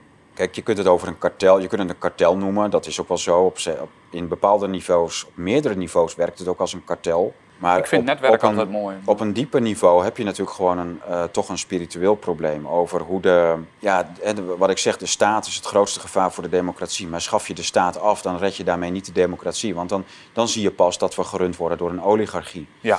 Zoals dat libertariërs altijd zeggen van ja, maar dat, uh, de staat is het probleem. Nee, de staat wordt gebruikt als een soort façade ja. waarachter die oligarchie schuilt. dus je moet eh, big money en big government gaan ook altijd hand in hand. Dus je moet, als je die staat gaat uh, deconstrueren, wat, wat Pieter Omtzigt een beetje wil, hè, dus de bestuurlijke vernieuwing en zo. Ja, kijk, als je de oligarchie niet aanpakt, dan creëer je gewoon weer een nieuwe façade voor de oligarchie. Want die blijft gewoon het geld, de invloed, de macht, de structuren houden om die staat te gebruiken als... En je, je gaat de spiegel een, een, een beetje veranderen. Daar, daar pas je een tintje, daar wordt die van paars naar roze of zo, weet je. Dus het volk kijkt in een uh, spiegel met een andere kleur en denkt... oh, we hebben bestuurlijke vernieuwing. Maar het enige wat ze zien is zichzelf. En ze zien niet wat daar achter die spiegel zit. Ja. Wat, wat denk ik mensen wel moeten gaan beseffen, ook voor dit soort dingen, is wat kun je daar zelf tegen doen? Is denk ik een van de belangrijkste dingen, is kiezen waar je je geld uitgeeft voor zover je die mogelijkheid nog hebt. Koop jij bij een van de grote bedrijven, dan is binnen, ik geloof, zes transacties zit je geld bij een van de uh, top uh, eh, 1%. Ja, maar dat gebeurt nu ook al. Weet je, als je bij, de, bij een boer koopt uh, en je rekent cash af, het eerste wat die boer doet is dat geld naar de bank brengen. Want dat is cash van de winkel, dus zet hij het op zijn rekening. Weet je, dus, tuurlijk heb je dan wel eerlijk vlees, want je weet wat die boer doet met het vlees en heb jij je product eerlijk, maar het is niet, daarmee zorg je niet voor het geldsysteem. En, en, en dat is, we zitten natuurlijk best wel in een grote probleem. als positieve als we Ja, maar als we ergens iets proberen te doen met, met cash betalen en zo, dat, dan moet je dat ook doen bij winkels waarvan je weet dat ze het geld in roulatie houden. Precies. Dus, ja. En, en dat, is, dat is heel moeilijk voor een boer, want die heeft ook nog weer heel veel rekeningen die hij gewoon via zijn bank betaalt. En, en de Blauwe Tijger doet dat ook. Je, je kunt niet buiten dat systeem om. Nu zitten wij op, op uh, microniveau dit soort uh, plannetjes te smeden. Cash Friday en zo. Dat is allemaal leuk. Dus het creëert ook wel bewustwording. Ja. Dat is wel goed. Ja. Alleen, ja, die, die rukkers bovenin, die lachen. En die zeggen, ja, nou, ja de CBDC's die komen toch wel. Weet je, Digital ID komt toch wel. En uh, ja, dan, dus dit, dit is gewoon gerommel in de marge wat, wat wij aan de onderkant nog een beetje doen. Denk jij uh, niet dat op het moment dat er daadwerkelijk die uh, CBDC ingevoerd wordt... dat er gewoon een parallele economie spontaan ontstaat? Ja, maar niet ten koste van heel veel welvaartsimplosie. Nee, dat klopt. Nee, dat ja. absoluut. Ja, uh, dus, nee, dat, dus uh, we blijven rommelen in de marge.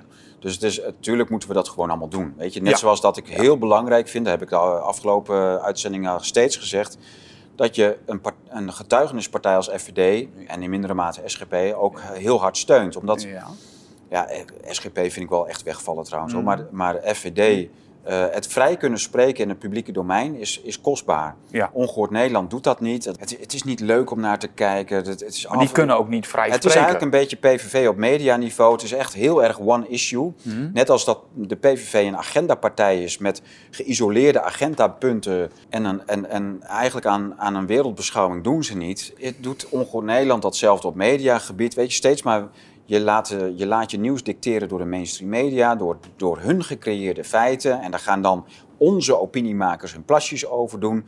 Om allemaal te laten zeggen: ja, zie nou wel, het, zijn, het is een leugen. Zie nou wel, het is niet waar. Zie nou wel, wij hadden altijd gelijk. Maar er zit geen wereldbeschouwing achter. Er zit, er zit geen metafysica achter. Ja, dat is een, een nihilistische metafysica. Dus er zit nihilisme achter. En dat we, breken onszelf, we blijven onszelf afbreken als we met, met zo'n soort instelling door blijven gaan met politiek, media, wetenschap. Het is allemaal heel onverbonden. Het, is niet, uh, ja, hoe moet je dat allemaal, hoe moet je het goed zeggen? Maar wat gaan wij dan doen om daar uh, samenhang in aan te brengen? Nou, dit.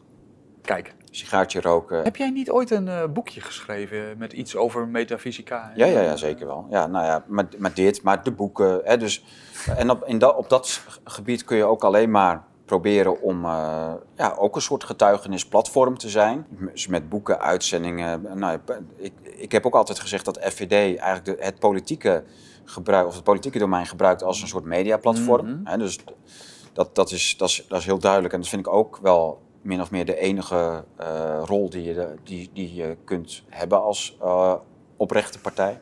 En voor de rest uh, zou ik het niet weten. Zorg, zorg, voor jezelf, voor je vrouw, voor je kinderen. Zorg dat je je kinderen goed kunt afleveren, kunt laten opgroeien. Laat je niet verzuren. Keer niet bui binnenste buiten in dat publieke domein. Maar behoud jezelf, zodat je, zodat je kinderen niet, als ze twintig zijn, zeggen van ja, we hebben altijd zo'n chagrijnige vader gehad. Hij was altijd bezig met, met meningen en opinies. En uh, ja, dat, dat uh, daar hebben we niet zulke goede herinneringen aan. Tot ziens. ja. ja, toch? Dat is een heel, ja, dan, dan ben je echt verzuurd. Ja. Mm. ja. Dus dat, is wel, dat vind ik het belangrijkste wat je kan doen. Dus, nou, en, en, en daarbij ingegeven is hè, dat, je, dat, je, dat we gaan zorgen voor, je, voor jezelf, voor je huis, voor je tuin. Dat, daar is dit een beetje een weerslag van.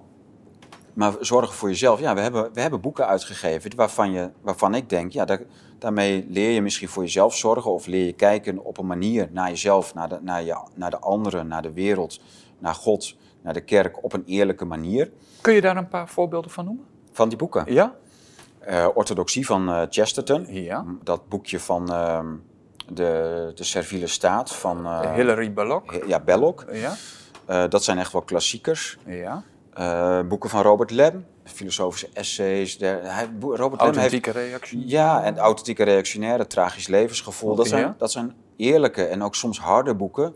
Nou, ik, ik heb zelf geprobeerd om met Heerlijke Platte Wereld en Permafrost dat te doen. Hmm. Ja, dan als, wat, als mensen dat lezen en daarmee besluiten om daar wat mee te doen, uiteindelijk moet daar in mensen wat gaan veranderen. Hmm. Niet omdat ze heel veel lezen en nadenken, maar ik hoop ook dat, dat mensen met elkaar in gesprek gaan en dat er vriendengroepen of leeskringen gaan ontstaan. Dat, dat mensen elkaar gaan, gaan motiveren en dat er natuurlijke leiders in die groepen komen om jongeren te begeleiden, volwassen te worden.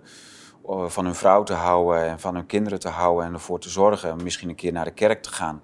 Weet je, dat, er is niet heel veel meer mogelijk in onze tijd. Je, het is niet zo van, ja, uh, oh, daar staat een, twee kilometer verderop staat een kerk en uh, dan is het klaar. Nee, het is heel moeilijk om nog ergens een plek te vinden waar je, waar je gevoed wordt, waar de heelheid van je ziel weer recht wordt gedaan. Hmm. in plaats van dat overal, dat je wordt bevestigd in je gebrokenheid en, en in je en in je zieligheid en in je. Ja. Erg, ergens. Ik denk dat elk mens toch herkent als hij op zo'n plek komt. Van ja, ja hier, hier word ik geheeld in plaats van uh, bevestigd in die, in die deconstructie. Hier word, ik, hier word ik verder afgebroken in feite. Daar, in die moderne kerken heb ik dat gevoel heel sterk. Nou, hier word ik verder afgebroken. Als ik naar de tv kijk, ja, niemand doet het nu nog die en maar, maar, maar, als ik het dus doe, denk ik, ja, je wordt alleen maar afgebroken. Je zit alleen maar rancuneuze, verschrikkelijke, zure, irritante mensen. Die zijn vervelend. Ik wil hier niet naar kijken. Humor is niet meer om te lachen. Uh, de, de informatie is zelf gefabriceerd. Dat zijn, dat zijn hun feiten, die maken ze zelf. We kijken niet meer naar nieuws. Dat is hun nieuws. Het is geen nieuws. Ja. Het gaat alleen maar over achterstelling van vrouwen en minderheden. En zelfs als ze nog laten zien als ze zelf keihard laten zien dat de Turken en Marokkanen massaal op wilden stemmen, presteren ze het nog om met gekochte Turken en Marokkanen op de proppen te komen. Om, om jou en mij van racisme te beschuldigen omdat we op de PVV stemmen. Terwijl hun eigen Turken en Marokkanen op de PVV stemmen. Ja. Het is zo krankjorum. Het is alleen maar afbreken. Het is, het, nou, elke, elke vorm van consistent leven wordt, wordt uh, teniet gedaan, wordt, wordt ja, nou, ik wou daar net op inhaken, maar ik denk ik laat je uitpraten. En toen kwam je er zelf ook mee, want inderdaad, het begint dus allemaal wel in jezelf. En dat je op een gegeven moment besluit uh, vanuit dat proces om een keer naar een kerk te gaan of andere dingen, hmm. wil niet zeggen dat je in die kerk dan bevestigd wordt daarin. Hè? Want inderdaad, wat jij net zei, is wat ik ook ervaren heb in, in mijn jeugd eigenlijk, is dat je afgebroken wordt als... Ja, ja, ja moet je ook mee oppassen. Tuurlijk. Ja. ja. En ik Scholen vond dat, net zo. Maar ja, ik vind dat, dat is een groot probleem. Ja, nou ja, op het moment dat je dus een bepaald zelfbeeld hebt en een idee hebt en dat moet, wordt eerst afgebroken en je moet daarna weer opnieuw beginnen, heb je, heb je niks meer, heb je ook geen basis meer. Nee. Dus het is wel heel belangrijk dat je die stap zet vanuit een eigen overtuiging. Ja, je wordt echt steeds weer teruggeworpen naar ground zero. Ja. Van helemaal afgebroken zelf. En dan moet je maar weer je handje ophouden. Je moet maar weer uithuilen en ergens in de goot moet je jezelf vinden. Ja. Afkicken van wat voor, wat voor roes of verslaving dan ook. Weet je, het is, het is allemaal heel... Het eeuwige slachtoffercomplex? Ja, is dat... niet alleen maar. Maar het, is, het wordt natuurlijk wel gevoed door de... Je leert op een gegeven moment dat het systeem dat je graag in jou wil bereiken. En dus zwakke mensen geven daar ook aan toe. Dus hm. het, eh, een sterk, veerkrachtig, weerbaar mens worden die geschikt is in, in, in een gemeenschapsleven en daar en voor een vaderrol en een, en een echt, goede echtgenotenrol en wat dan ook, die heb je niet zoveel meer. Dus het aanvaarden van je leven ook als een, met, een, met een aspect van, een, van, van opoffering, leiderschap, uh, kracht, weerbaarheid. Ja, dat, dat, zijn, dat zijn dingen die tegengehouden worden vanaf school tot en met, je, tot en met wat voor carrière dan ook. Nou, het, het vergt een bepaald instinct en een bepaalde wilskracht om, om je van die invloeden te ontdoen die je klein wil houden. Ja.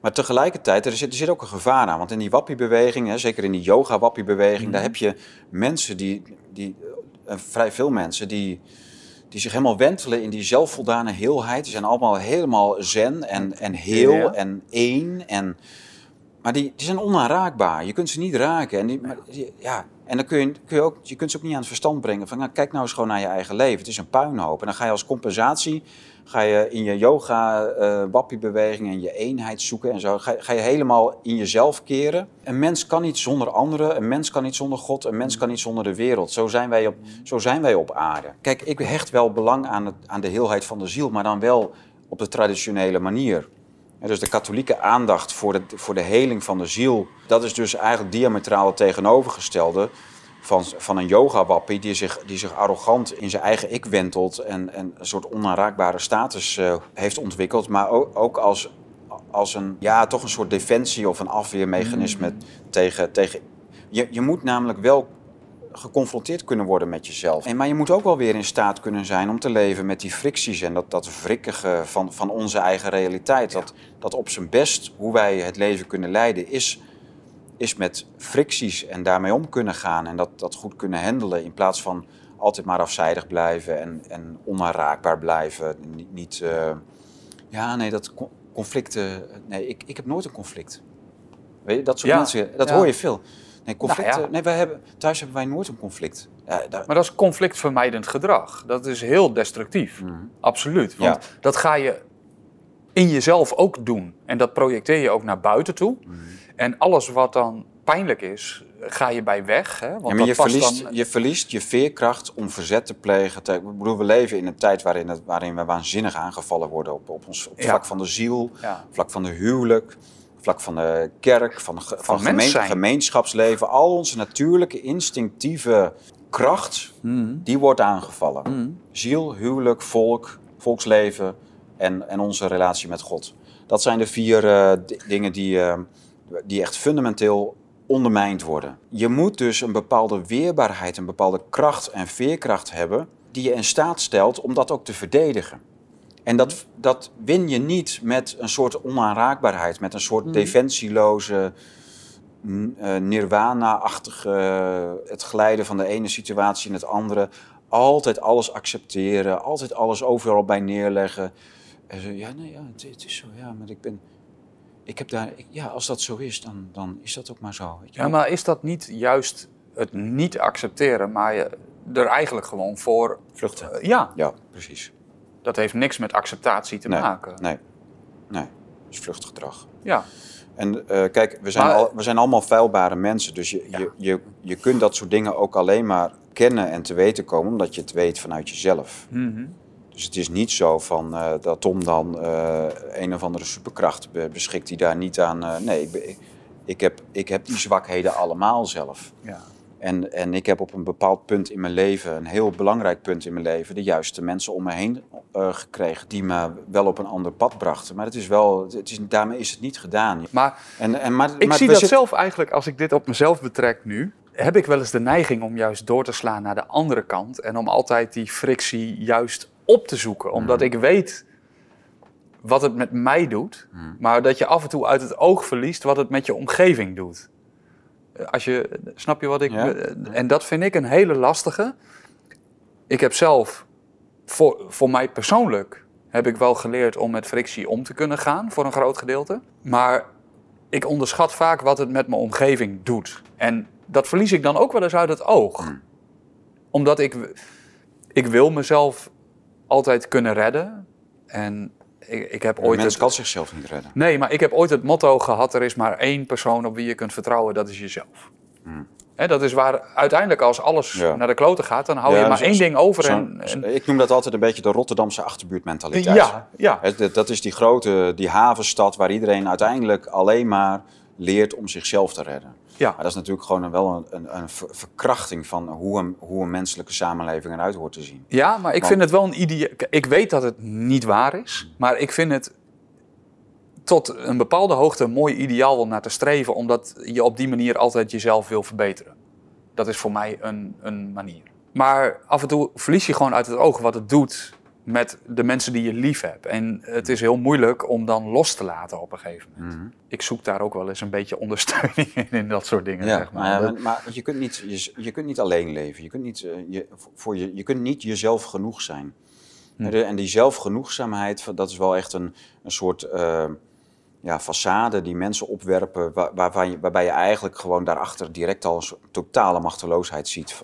Je kunt het niet alleen. Je kunt wel heel erg arrogant, arrogant pretenderen dat je onaanraakbaar bent. Maar dat, dat is het niet. Je, bent het ook niet. Je bent eigenlijk heel zielig. En je hebt, je, je, je hebt daar een soort van houding in gevonden om dat, om dat te maskeren of zo. Maar bij heel veel mensen zou gewoon een, eh, een goede biecht, een goede traditionele katholieke biecht, zou zoveel oplossen. Tom, is het niet zo dat de moderne psychiater gewoon een, een vervanging is van de biecht. is ook zo, ja. ja. Robert Lem zegt dat altijd. Ja. Oké, oh, dat eh, heb ik gemist dan. Ja, ja. dat is wel zo.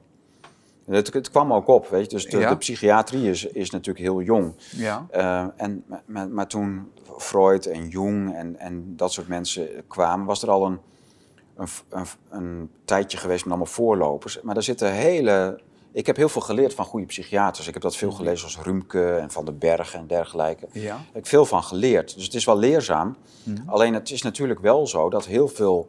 Uh, en wat zij doen, dat zou in de psychiatrie van nu zou absoluut nooit meer mogen. Oké. Nee, dat is echt... Uh, wat doen ze dan? Nou, uh, zij ging echt aan de slag met iemand. Bij de Freudianen ging, ging dat anders dan bij de Jungianen. En dus had je verschillende... Je had ook nog katholieke psychiatrie. Uiteindelijk is die tijd van de psychiatrie, dat tijdperk van psychiaters... is natuurlijk naadloos heeft die de, het tijdperk van de, van de pastoors en de biechtstoelen vervangen. Ja. Ja, dat is, dat is gewoon zo. Dat is gewoon qua tijdperk is dat naadloos op elkaar aangesloten.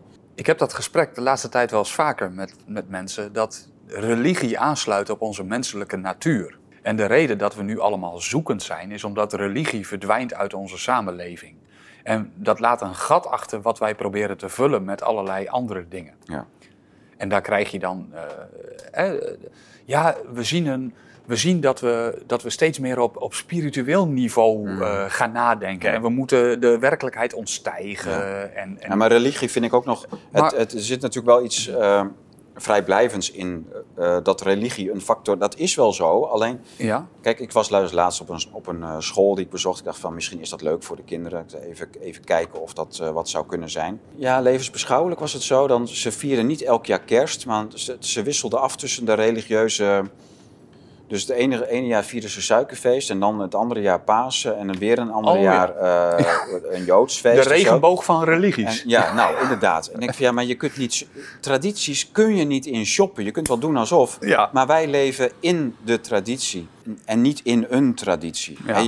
het is wel zo van... Uh, uh, dat, dat, je, je, kunt niet, het is niet zomaar van ja, maar ja we zijn nu uh, boeddhist geworden en uh, ja, wij, wij vieren nu uh, Chiki Chaka feest en we gaan met kleurstof gooien of, ja. of, of, ik weet niet of hindoes dat doen of boeddhisten. Maar in ieder geval, dat is, dat is natuurlijk bizar. Je kunt, niet zo, je kunt niet shoppen. Je kunt je bekeren tot een godsdienst, maar dat, dat, die godsdienst adapteert, de katholieke godsdienst heeft zich geadapteerd aan onze Saksische en Friese gewoontes. Mhm. Dus dat, daar is zo'n enorme synthese in, heeft daarin plaatsgevonden. En nu denken we dat we alles gewoon vrij zwevend kunnen kiezen. traditie. Nee, het is, je leeft in de traditie. Dus je bent geworteld. En je kunt niet zomaar zeggen van, uh, van, het, van, het, van de ene fijne religie stappen we over naar de andere fijne religie en volgend jaar weer. En dat, dat is natuurlijk absurd. Maar wat is dan de conclusie daarin? Want ik ben opgegroeid in, uh, in de gereformeerde gemeente Nederland. Hmm. En ik heb me daaruit onttrokken. Maar moet ik me dan... Mijn wortels ben ik al kwijt. Ja, maar ik en ik moet mij opnieuw gaan wortelen. Ja, ik ben ook ergens in opgegroeid. Nou ja, kijk, je, je, je, wortels zijn natuurlijk best wel... Uh, ja, je werkt hier ook niet voor niets. Je, je, je wortels die, die zijn gewoon niet, niet te ontvluchten. En uh, dus die, die, jij, jij bent uiteindelijk ook niet meer op de vlucht voor jezelf. Uh, dus niet voor mezelf. Nee, En, het, en, ik geloof wel. Kijk, ik ben uiteindelijk ook katholiek geworden. Omdat ik had allerlei. In mijn protestantse jeugd waren er allerlei facetten. Het mhm. stond niet in verband met elkaar. Dus er waren heel veel dingen die ik wel kon plaatsen. Maar pas toen ik Thomas van Aquino en Augustinus ging lezen. viel alles voor mij op, op een bepaalde plek. Alles kreeg samenhang. Alles is met elkaar verbonden. De werkelijkheid is ongedeeld, ongescheiden. En dat protestantisme is uiteindelijk toch uiteindelijk het resultaat van een dualisme. Hmm. vlees en geest zijn absoluut gescheiden van elkaar. Die Bartiaanse theologie, die dat protestantisme van het in de 20e eeuw helemaal doortrekt, is zo dualistisch als wat. dus natuur en bovennatuur zijn, uh, zijn niet met elkaar te verenigen in de, in de Bartiaanse theologie. Nou, dat, is, dat, dat dualisme of manicheïsme, dat is een soort sectarische trek die als de cultuur zwakker wordt, voortdurend opkomt. Je zag het ook in, in het einde van de middeleeuwen, kreeg je zo'n tijdperkje waarin dat manicheïsme in één keer doorbrak. Met de Kataren en, uh, en, de, en de troubadours en dergelijke. Dat werd wel weer even gesust, maar dat werd direct, uh, met Luther en Calvijn kreeg het direct weer vorm en, en etterde dat weer door. Nou, in, in onze tijd zie je dus dat, dat dualisme, waarin natuur en bovennatuur niet meer overbrugbaar zijn, wat in het katholicisme natuurlijk gewoon totaal gek is. Want natuur en bovennatuur vloeien in elkaar over. Dat is, dat is onscheidbaar. Je kunt dat niet scheiden, anders dan kun je als mens niet meer met God in contact komen. Kun je ook je ziel niet meer helen. Het, hele sacramentele verdwijnt. Dus, dus de werkelijkheid is sacramenteel. De bovennatuur schenkt ons het leven. En als je die, die bovennatuur afsluit, theologisch gezien, maar ook sacramenteel, en je, en je zegt, ja, maar er zijn geen sacramenten meer, ja, dan uiteindelijk uh, wordt het leven doods. Dan verdwijnt het leven uit, uit, uh, uit de natuur. En dat is wat, wat er steeds gebeurt wanneer de, wanneer de culturele kracht verzwakt. Dan krijg je die sectariserende tendensen. Je, je ziet ook, je hebt die uh, Henri Pirenne, die Belgische historicus uit de 19e eeuw. Die heeft schitterende boeken geschreven waarin hij bijvoorbeeld over de laat zien dat in Constantinopel, dus in dat Byzantijnse Rijk, mm. dat was zo waanzinnig decadent. Ehm, maar je kreeg een soort totalitaire macht, staatsmacht. De staat werd daar heel. He, dat, die Aziatische uh, staatsmacht, dat, is heel, dat Aziatische, dat kenmerkt zich dus door, door, door, totalitarisme, door uh, het, de heerser met de knoet. Uh, om het zo maar te zeggen. Dus de, je, je creëert een klasse van onderdanen die verlangen ook naar de knoet zoals een hond ernaar verlangt om gecorrigeerd te worden, bij wijze van spreken. En heel iets, zie je, het, heel iets zie je ook wel bij de menselijke natuur. Kinderen gaan proberen de ouders uit. Die proberen over de grens te gaan. Ja. Weet je, maar op een gegeven moment, als je volwassen bent, moet dat wel dan, dan is het wel een beetje gedaan. Maar dat Aziatische idee van naar, het verlangen naar een sterke heerser met de knoet, die je ook af en toe wel wil voelen als onderdaan. Stockholm syndroom. Ja, dat zag je dus dan toen ook al in dat Byzantijnse Rijk. Ja. En wat die Henri Pirenne liet zien, dat was dus dat met het fenomeen van een totalitaire staat, of een staat met totalitaire ambities, ja. dat ook het, het, het fenomeen van uh, secten opkwamen. Want die secten die dingen om de, om de gunst van de dictator, van de, van de, van de machthebber. Dus die gingen elkaar bestrijden. Je zag het in het Romeinse Rijk, je zag het in het Byzantijnse Rijk.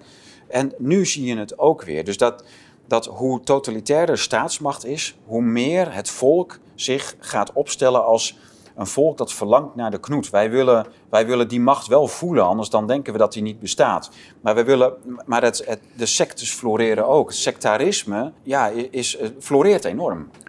En ook al langere tijd. Nu wil ik iets gaan zeggen. En dat gaat, uh, dat gaat waarschijnlijk voor een paar reacties zorgen. Maar... Nou, zeg maar wat. Kan je hem al invullen of niet? Weet ik, nee, zeg maar. Uh, ja, FVD. Hoezo? Nou ja, als je het over dit soort ontwikkelingen hebt en je bekijkt dat, eh, een, een totalitaire neigende staat. Ja. En de opkomst van sectarisme, het willen ontwikkelen van nieuwe zuilen. Wat FVD gewoon echt proclameert. Ja, ja nou ja, ja kijk, je, je moet toch op een of andere manier uh, uh, zo ver mogelijk bij die staat vandaan blijven, bij dat totalitaire. Je moet ook, als het even kan, proberen om niet bij die knoetlievende massa die gestuurd wil worden, die wil de knoet voelen, die wil, die wil voelen waarheen ze... Ge, hè, dus als, als een soort kudde schapen die ergens heen gejaagd wordt met, uh, met harde hand. Ja, dan moet je wel bij uit de buurt blijven bij dat fenomeen. Mm. Dus ik snap best wel dat je, dat je als beweging, uh, of als een vernieuwingsbeweging, probeert om, om uit dat, dat dualisme van van uh, macht en onderdanen te komen. Dat je mhm. uit, probeert uit dat dualisme van de scheiding van natuur en bovennatuur te, te blijven. Uit dat dualisme van geest en lichaam. Wat, eh, dat zijn al die dualismen waar Augustinus al lang over schreef. Dat kun je lezen in de Stad van God. Mhm. Dat is dat is één op één wat je nu tegenkomt in uh, of de laatste anderhalve eeuw. Dat gebeurt nu. En al die dualistische me mechanismen, dat manicheïsme, wat voortdurend weer de kop opsteekt wanneer een wanneer de culturele kracht afneemt. Ja, ik snap wel dat je, dat je dan op een gegeven moment als, als beweging zegt: van, ja, we moeten toch wel, en net zoals die, eh, die homestead-beweging, gewoon zelf voor jezelf zorgen. Zorgen dat je niet in het westen gaat wonen, niet in het centrum van het land. Ga, ga lekker in de periferie. Ga weg uit, die, uit, dat, uit dat centrum. Hm. Lekker in de periferie wonen. Waarschijnlijk wordt dat nog heel lang met rust gelaten. Als de heibel uitbreekt, dan, dan, of de pleuris, dan breekt de pleuris ook uit in dat centrum. In het, in het, bij ons dan de Randstad en, en, in, de, en in de machtscentra daaromheen. Ja. Maar niet volledig in de periferie. Daar is het rustiger. Daar heb je veel meer kans om te overleven. Heb je veel meer kans om goed voor je vrouw en je kinderen en je huis en, en dergelijke te zorgen. Ja, en als de bom nou echt valt, ja, dan weet je, dan, dan ben je ook weg. Ik bedoel, je krijgt een, hier op aarde is het eeuwig leven niet. Ja, één ding kunnen we wel zeggen. De, de frequentie hier in Groningen is wel uh, veel beter dan in de Radstad. Het, het, de, de vibraties zijn uh, geweldig hier. Een paar koperstaven uh, zo her en der. En, ja. Ik kwam even op als gas. Ja, ja. Ja, maar het is, kijk, natuurlijk is het, je zoekt een plek waar, je, waar je denkt, kijk, helemaal wereldmijdend moet je natuurlijk niet worden, maar je zoekt wel een plek waarbij je denkt van, nou ja, dit is nog wel redelijk voor mijn vrouw, kinderen, om een goede, stabiele volgende generatie te kunnen opvoeden, om uh, waarschijnlijk goede huwelijkspartners voor mijn kinderen uh, tegen te komen. Daar ben je natuurlijk wel mee bezig als je een, als je een gezin sticht. Dan is wonen in Amsterdam, ik zou niet zeggen dat het dan onmogelijk is om dat te realiseren, want het hangt ook wel weer van je eigen kracht als vader af, hoe je daar je kinderen doorheen leidt of op laat groeien. Hangt, hangt heel erg van je persoonlijkheid af. Maar voor het gros van de mensen is het beter niet in het centrum te wonen, maar aan de periferie, waar de basis nog uit rust bestaat en niet uit niet een, niet een permanente mobilisatie. Nou, en dat van een verkiezingsuitslag. Ja, maar dan hebben we wel het probleem besproken van, kijk, je kunt uh, leuk analyseren over, natuurlijk, er zitten aanknopingspunten in om, om te praten over wat er ons te wachten staat en want het heeft natuurlijk best wel invloed ook op ons leven, dat is mm. gewoon zo. Ja. Alleen in bredere zin, het gevaar voor de democratie en voor de, voor de democratische rechtsstaat bestaat natuurlijk niet uit datgene wat juist die democratische rechtsstaat vooraf gaat of wat het gezond houdt. Het, het enige element wat uh, de recht, democratische rechtsstaat gezond houdt, is een gezond volk. Eigenlijk is het wel heel grappig. De staat roept nu dat er mensen zijn die een bedreiging zijn voor de democratie, terwijl mhm. Het dat zelf is. Ja. Ja, dat, dat is natuurlijk gewoon dat, dat hele spel wat voortdurend met ons gespeeld wordt. Nou ja, dat is interessant. En dat is, dat is natuurlijk wel leuk om dat een beetje met, na elkaar zo te bespreken. Dat we, hm. dat we niet alleen maar over de koetjes en de kalfjes en de kansen en bedreigingen van Wilders en dergelijke gaan, gaan praten. Want hij is natuurlijk, ja, het, het probleem is heel groot. Het is Toch niet, even het is nu onmogelijk, je, het is wel een heel groot probleem. Nu je het noemt, de kansen en de bedreigingen. Wat zie jij, oké, om even terug te komen dan op onze insteek, wat zie jij als kansen? Nou, wat, dan moet ik toch weer steeds even teruggaan naar wat we de dag voor de verkiezingen hebben gezegd. Eh, ja. Ik zie het als een groot voordeel dat politiek niet alleen maar wordt gezien als we gaan iets bereiken met z'n allen, mm. maar ook als we gaan iets tegenhouden. We kunnen iets afremmen. We kunnen, ja. Want dat, dat heeft de afgelopen jaren wel aangetoond dat als je met voldoende mensen iets zand in de motor kunt strooien, dat mhm. de motor wel degelijk gaat haperen. Ja. En dat de lockdowns zijn niet vanzelf opgehouden, nee, zeg maar. Nee, nee, en dat hebben we bereikt daarmee. Dus het vertragen van het systeem, het, het, tegenwerken, zorgt er automatisch voor dat heel veel projecten niet door kunnen gaan. En nogmaals, Karel van Wolveren zegt het al heel lang over de CBDC's. Dat project is afgelopen volgens hem. Ik ben daar benieuwd naar, want dat is, dat is zijn stellige mening en overtuiging. Ja. Arno Wellens zegt weer iets anders. Hmm. Maar Karel van Wolveren's denkwijze vind ik, vind ik gewoon heel goed. Dus dat hij, uh, dat, dat hij ons duidelijk maakt van... Oh, er, is wel degelijk, er is wel degelijk minder draagvlak bij de, sta de, de staatselites, dus bij, bij de landen die al dit soort dingen willen invoeren, ja. om dat te doen, omdat ze toch rekenen op verzet en, om, en, en omdat ze, dat ze ook wel zien dat het niet werkt. Je moet het of in één keer invoeren en dan is er ook niets meer mogelijk naast die CBDC's, mhm. dan werkt het. Maar daar is zoveel, zo enorm veel voor nodig dat het vrijwel onmogelijk is om dat te realiseren. Dus ik vind dat een hele mooie benadering van Karel. Als ik daarop in mag haken, want Karel heeft het ook altijd over de, de gecreëerde werkelijkheid. Ja. En is het ook niet zo dat die gecreëerde werkelijkheid, die hun graag realiteit willen zien worden, mhm. door, door de daadwerkelijke wereld op een gegeven moment ook onmogelijk wordt. Hè? Dus door bepaalde ontwikkelingen in de realiteit, dat het dan ook niet meer kan. Nou ja, kijk, een dus ze projecteren iets op ons. een gecreëerde werkelijkheid moet ook voortdurend bijgesteld worden. Nou, nogmaals, als je even teruggaat naar dat, dat liberalisme. Het liberalisme is geen status quo. Het is niet iets mhm. van, oh, nu hebben we dit bereikt en nu blijft het zo. Nee, het is een proces. Er is nooit een einde aan dat proces. Hm. Dus ze zullen altijd door moeten gaan met, met uh, nieuwe dingen. Met, ze moet, om die macht te bereiken, moet ze groter worden. Dus om, om die macht te behouden, moet ze groter worden, moet ze groeien. En dat doe je alleen maar door steeds weer met iets nieuws te komen. Ja. Nou, als dit, als dit mislukt en je kunt uiteindelijk niet meer uitbouwen, het is een piramide die naar onder toe steeds groter wordt. De macht, het geld en het recht moet voortdurend eh, van beneden naar boven uh, vloeien. Anders, anders werkt het niet meer, kan ze ook niet meer uitbouwen. Het is een, een project wat permanente machtsuitbreiding veronderstelt op een eindige basis. Op een gegeven moment houdt het op. Okay. En, en we gaan er steeds meer van die projecten mislukken, hmm. waardoor de, uh, die, die machtsuitbreiding en die transfer van geld, macht en recht uh, stokt. Hmm. Ja, en, en dan, dan hapert het, het systeem wel erg. En het zand in de motor is natuurlijk uiteindelijk houdt die motor op.